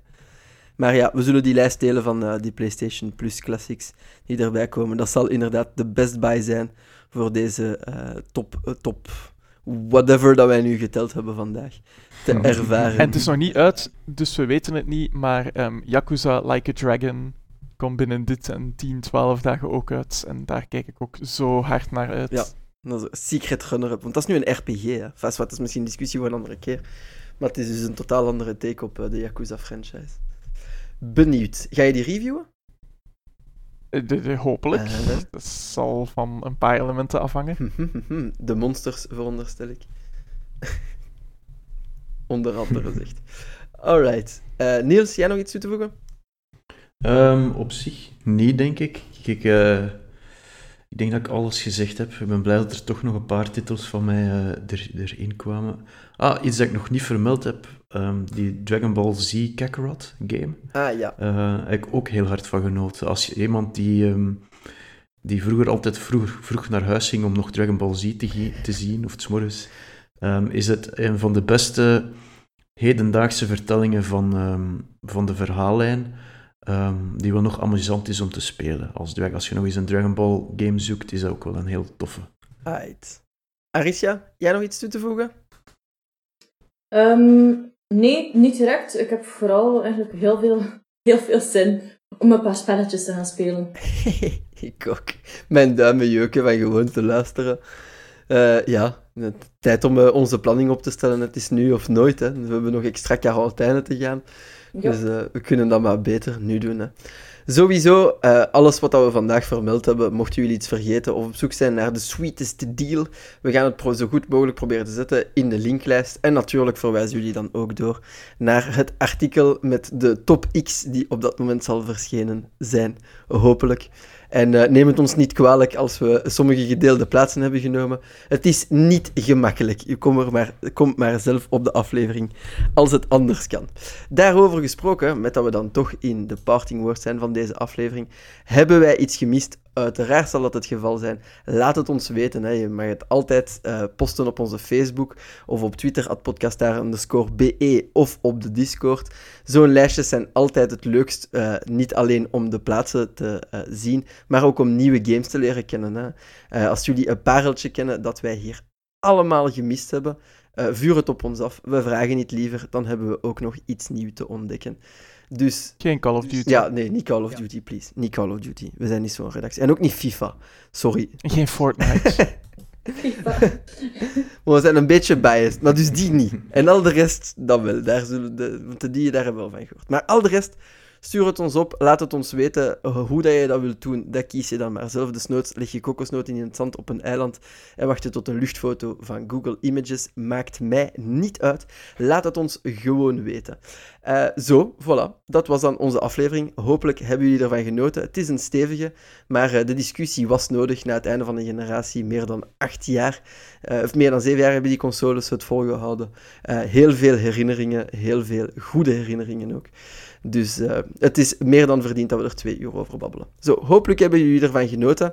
En zo niet, dan mogen jullie dat ook laten weten in de comment-secties en dan lezen we dat ook. Uh, dankjewel, Michiel, Niels, Arisha, voor het uh, zo lang vol te houden uh, met mij in één virtuele ruimte. Graag gedaan. Maar ook om jullie lijst te brengen. Het was heel inzichtvol en ik moet eerlijk toegeven, blij dat ik dan ook herinnerd ben aan No Man's Sky, de nieuwe versie, Dragon Ball Fighter Z en Hitman 2. Want uh, ja, die waren bij mij van de lijst gevallen en onterecht eigenlijk. Dus dikke merci voor uh, jullie input, voor jullie content en feedback. En dan hopelijk snel tot een uh, volgende aflevering. Hè. Ciao, bijkes iedereen. Alright, see Salut. Bye.